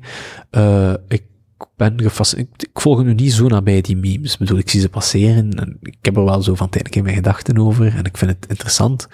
Eh, er is ongetwijfeld eh, heel veel literatuur ook al over eh, memegebruik. Ehm, en, en dat creëert een soort van community gevoel ook bij mensen die tot dezelfde ook van die, je hebt memes, maar je hebt ook zo fanpagina's, hè, zo, is de schuld van de Sosse fanpagina en dat soort eh, on, onofficiële eh, groeperingen. Ah, die zijn onofficieel. Wat een slecht grapje. Misschien wel, wie weet. Ja, maar weet. dat, dat kan zijn hè, dat dat een eh, VZW is of weet ik veel wat Mm. dat ze hebben. Feitelijke verenigingen. Los, daar, los daarvan is dat heel interessant om te volgen. Eh, zelf weet ik daar weinig over. Ja. Eh, maar ik denk wel dat dat steeds belangrijker wordt, eh, omdat humor is sinds oudsher een heel belangrijk overtuigingselement. Samen met angst. Dus je hebt angst en humor, dat zijn twee bijzonder belangrijke overtuigingsfactoren. En als je het een niet gebruikt, kun je het ander gebruiken. En ik denk dat memes een heel goede manier zijn om die humor in te zetten. Allee, mits dat ze goed uitgevoerd worden, Mm. natuurlijk. Want ik zie er soms ook wel passeren en ik denk van ja, dat is nu te krijg drie keer niks. Er waren wel, ik weet wel nog, ik herinner mij tekeningen in de krant over dat ga jij niet bepalen van Jan Jan Bon, waar ik mij echt wel mee ziek heb gelachen. Ik denk van Zaza en anderen dat het ergens afslaan aan een rood licht of zo. En dan, ja, het wat, er werden heel veel grappige tekeningen dan over gemaakt om die, om die humor erin te Er brengen. zit ongelooflijk veel humor in de, in de ik, ik herinner mij ook nog, en dat was, even kom ik ziek, en dat waren dan, ja, dat waren ook een soort van memes, maar krijg zo van die Twitter-rages. Eh, en ik weet niet of dat je dat gevolgd hebt, of dat je dat u herinnert dan, eh, toen de, eh, toen de, brand was op de Notre-Dame de Paris, Mm. heeft eh, eh, het, het team, of het was Theo Franke zelf, het was zijn team, heeft hier een tweet in de wereld gestuurd. Onder andere met de, met de impliciete verwijzing dat het misschien een eh, terroristische aanslag zou kunnen zijn. Maar veel, veel belangrijker eh, had hij een foto van zo'n Notre-Dame-kerk ergens in een of ander gehucht aan mij gezet. Het was niet de Notre-Dame de Paris Mm. die op die foto stond. Mm. En dat is, ik weet niet of je dat gezien hebt, Nee. en dat is dan viraal gegaan onder de hashtag eh tweetlikeTheo. Maar mensen die zo, eh, zo teksten zeiden van dat ze voor een monument stonden en dan zo gewoon zo'n pispaal of zo. ik weet wat allemaal stond. Ja, de. Eiffeltoren of zo. Eh, oh, toch jammer dat het Colosseum in brand opgaat en dan staan ze voor zo'n paardenstal of zo. zo tweetlikeTheo. En dat is ook hilarisch. Mm. Eh, ik kan me daar ook bijzonder hard mee amuseren. Ja, ja. ja, ik vind zo'n dingen wel, de- misschien ook meer jongere cultuur, social media cultuur of zo. Alleen, dat zijn niet allemaal jongeren. Maar ik vind dat, ik vind dat heel leuk om te volgen, ook hoe snel het daar wordt ingespeeld op, eh, ja, op, op, op belangrijke evenementen. En dat die, dat die humor daar wel een plaats in vindt. Ja, de, de zelfkant daarvan natuurlijk is dat je, als dat voornamelijk jongeren eh, bereikt, moet je je ook gaan afvragen, en er zijn wel onderzoeken die, die daar naartoe gaan, ik weet niet zo heel specifiek, of dat ze daar echt onderzoek naar doen, heel specifiek, maar eh, als dat de manier is hoe dat jongeren voornamelijk met politiek willen in contact, contact komen, Mm. ja, die memes die zijn natuurlijk niet bijzonder genuanceerd of onderbouwd. Dat is, dat is zo, hoe mogelijk nog ongenuanceerder dan de one-liner. Eh, en de vraag is of dat jongeren die naar onderzoek ook steeds minder geëngageerd zijn in politiek, als dat de manier is dat die met politiek in contact komen, wat dat de invloed daarop is, op hun politieke kennis. En er is heel veel onderzoek naar political knowledge en hoe dat die opgebouwd wordt. En de meeste political knowledge krijgen wij door kranten, uh, media enzovoort. Uh, als jongeren zich daarvan afsluiten en eigenlijk voornamelijk zo memes en zo volgen, omdat ze dat wel grappig vinden, dan kunt u je afvragen, ja, wat is de invloed op die politieke kennis daarvan? En wat is de invloed van die nieuwe politieke kennis op hun gedrag en, ja, op de perceptie van politiek. en perceptie van politiek. Dus dat is allemaal wel, uh, dat is allemaal goed en wel, die humor. En dat is altijd wel fijn dat dat ertussen zit. Maar je moet dat ook breder durven trekken. Mm -hmm. Ja, zeker. zeker. Heeft u zelf politieke ambities? Nee. Nee, absoluut niet. Uh, ik, uh, ooit, ooit nog, ooit vroeger in een lang verleden heb ik, ben ik even uh, politiek actief geweest. Kleinschalig hoor. Maar ik, ik ben denk ik steeds meer cynicus geworden ten opzichte van politiek. Hm. En ik denk niet dat ik mij daar ooit nog in kan, kan engageren. heel veel respect voor mensen die dat wel zien zitten. Um, maar ik ben meer bezig. Ik vind het interessanter om, om te bezig te zijn met taal en hoe dat mensen spreken en om daar een beetje inzicht in te krijgen en misschien zelfs te verspreiden, dan om echt te gaan meedoen in hmm. politiek. Uh, ik, ik zit ook vaak te veel vast in mezelf. Uh, het is te zeggen, uh, ja, sorry, ik moest dan een heel stom, ik moest nu even een domme associatie aan zo'n aflevering van Ken je Clinch? Nee. Dat is een serie van, met onder andere Wim Helsen, heel kort, zo zwart-wit. Hilarische, uh, existentiële discussies die echt tot op het absurde, echt een keer kijken, is echt een aanrader. Clinch. Clinch, ja. Uh, waarin dat ze dan zo plots vastzitten in een lift en zeggen van, ja, maar zitten we niet eigenlijk allemaal een beetje vast? Vast in de lift in onszelf? zo, dat is zo, mm. echt onnozel, maar hilarisch. Um, en uh, we zijn, ik zit een beetje vast in mezelf altijd, omdat bij alles wat ik denk van ja, eigenlijk vind ik dat een goed idee, politiek, of dit een goed idee, bedenk ik ook net van ja, maar je zou eigenlijk ook dat kunnen zeggen. Uh, we zitten een beetje bij de school van uh, de Griekse filosofische school van de sceptici. Die zeiden eigenlijk dat voor alles wat dat er is, kun je evenveel argumenten voor als tegen bedenken. Dus ja, dan kunt je maar beter onthouden van heel, de, mm. heel, heel het idee altogether. En dat ben ik nu een beetje aan het doen. Ik heb natuurlijk ook wel altijd mijn intuïtieve voorkeuren, maar ik probeer altijd net voorbij dat intuïtieve ook eens na te denken. En dan denk ik van, god, ik wil toch eigenlijk echt niet op mijn geweten hebben dat ik zie al die nadelen van dingen waar ik denk van, ja, dat wil ik doen. Dus dan denk ik van, ja, ik ga, ik wil die verantwoordelijkheid niet dragen. Uh, dat is misschien laf, uh, of dat is misschien gemakkelijk een uitweg. Maar ik heb geen zin om in de politiek dat soort keuzes te maken, omdat ik zelf niet overtuigd ben dat mijn beslissingen de juiste zullen zijn. Hmm. Als er al beslissingen juist zijn. Ik was ook nog aan het denken, want u, we hebben het daar straks over gehad. Toen ben ik dat, eh, of ben ik dat weer vergeten. Maar wat ik heel interessant vind, is als we, of dat is toch, dat is het, het, het denkmodel dat ik gebruik, is dat politiek en media zo twee zijden van dezelfde munt zijn, die heel soms wat dichter, soms wat verder van elkaar staan. Maar het samenspel tussen de politiek die beslissingen kan nemen en wat een journalist of wat media niet kan, maar die dan weer invloed kunnen op elkaar uitvoeren, hoe dicht dat die bij elkaar uh, liggen en dat je wat het samenspel ook tussen beiden is. En de ene heeft een bepaalde macht dat de andere niet heeft, en de andere heeft dat dan weer op, op een andere manier. Van een, een, een media kan een persoon maken of kraken of iets naar buiten brengen politicus kan dan weer beslissingen nemen dat een media, iemand in de media nooit kan nemen. Maar dat samenspel is wel, vind, vind ik heel fascinerend. Ik kan me voorstellen dat er veel mensen zijn, of dat er mensen zijn, die niet per se de politiek in willen, maar die binnen de media, of wat ze doen, wel daar een, een, bepaald, een bepaalde politieke druk voelen of daar een ei in kwijt kunnen. Ja, en niet, niet noodzakelijk alleen bij de media. Uh, bedrijven, lobby, uh, mm, NGO's, ja. VZW's, uh, dat is ook allemaal wij zien politiek voornamelijk als politici en dan de kiezer. Maar er zijn heel veel politieke stakeholders, er zijn heel veel politieke uh, actoren die, die deel uitmaken van, van wat dat politiek is en mm -hmm. doet. Uh, de hoeveelheid lobbyisten die in de federale kamer in Europa bijvoorbeeld actief zijn, uh, die hebben ook een politieke stem en een mening. Dat is niet noodzakelijk altijd super commercieel, dat bestaan ook heel erg, ook sommige bedrijven, maar dan ook zeker NGO's en zo, die hebben heel veel maatschappelijke, sociale thema's waar dat ze voor willen lobbyen. Dus je moet dat eigenlijk ook meenemen. Mm -hmm. Lijkt mij een mooie noot om uh, af te ronden. Ja, eh, het was een uh, lang en heel erg boeiend gesprek. Allee, ik vond het heel erg fijn alleszins. Het, het valt nog wel mee. Het valt nog wel mee. Heeft u enig idee hoe lang wij aan het opnemen zijn? Anderhalf uur. Ja, twee uur. Twee uur, oh, ja, toch nog wel. Toch nog wel. Dat is snel ja. voorbij gegaan, hè. Dat is. Ja. Um, ja, dank u wel om hier te zijn, Edward. Nee, het is met uh, veel plezier bedankt om het te hebben. Waar kunnen mensen u volgen? Want ik heb uh, uw e-mailadres snel gevonden, dat is niet zo moeilijk, maar um, waar lezen mensen over u? ik weet niet of jij behalve op de VRT ook uh, elders nog publiceert. Ik pub ja, probeer een wetenschappelijke of schrijven, nee, of schrijven, die zou ik niet meteen... Of ideeën deelt. Wel, um, memes Ik, uh, ik, ben, niet echt een, uh, ik ben eigenlijk voor iemand die met taal bezig is bijzonder slecht in mijn eigen, mijn eigen uh, social media marketing, dus daar ben ik niet zo actief in. op Twitter kan het altijd volgen, Edward de Voogd, dan vind je mij meteen.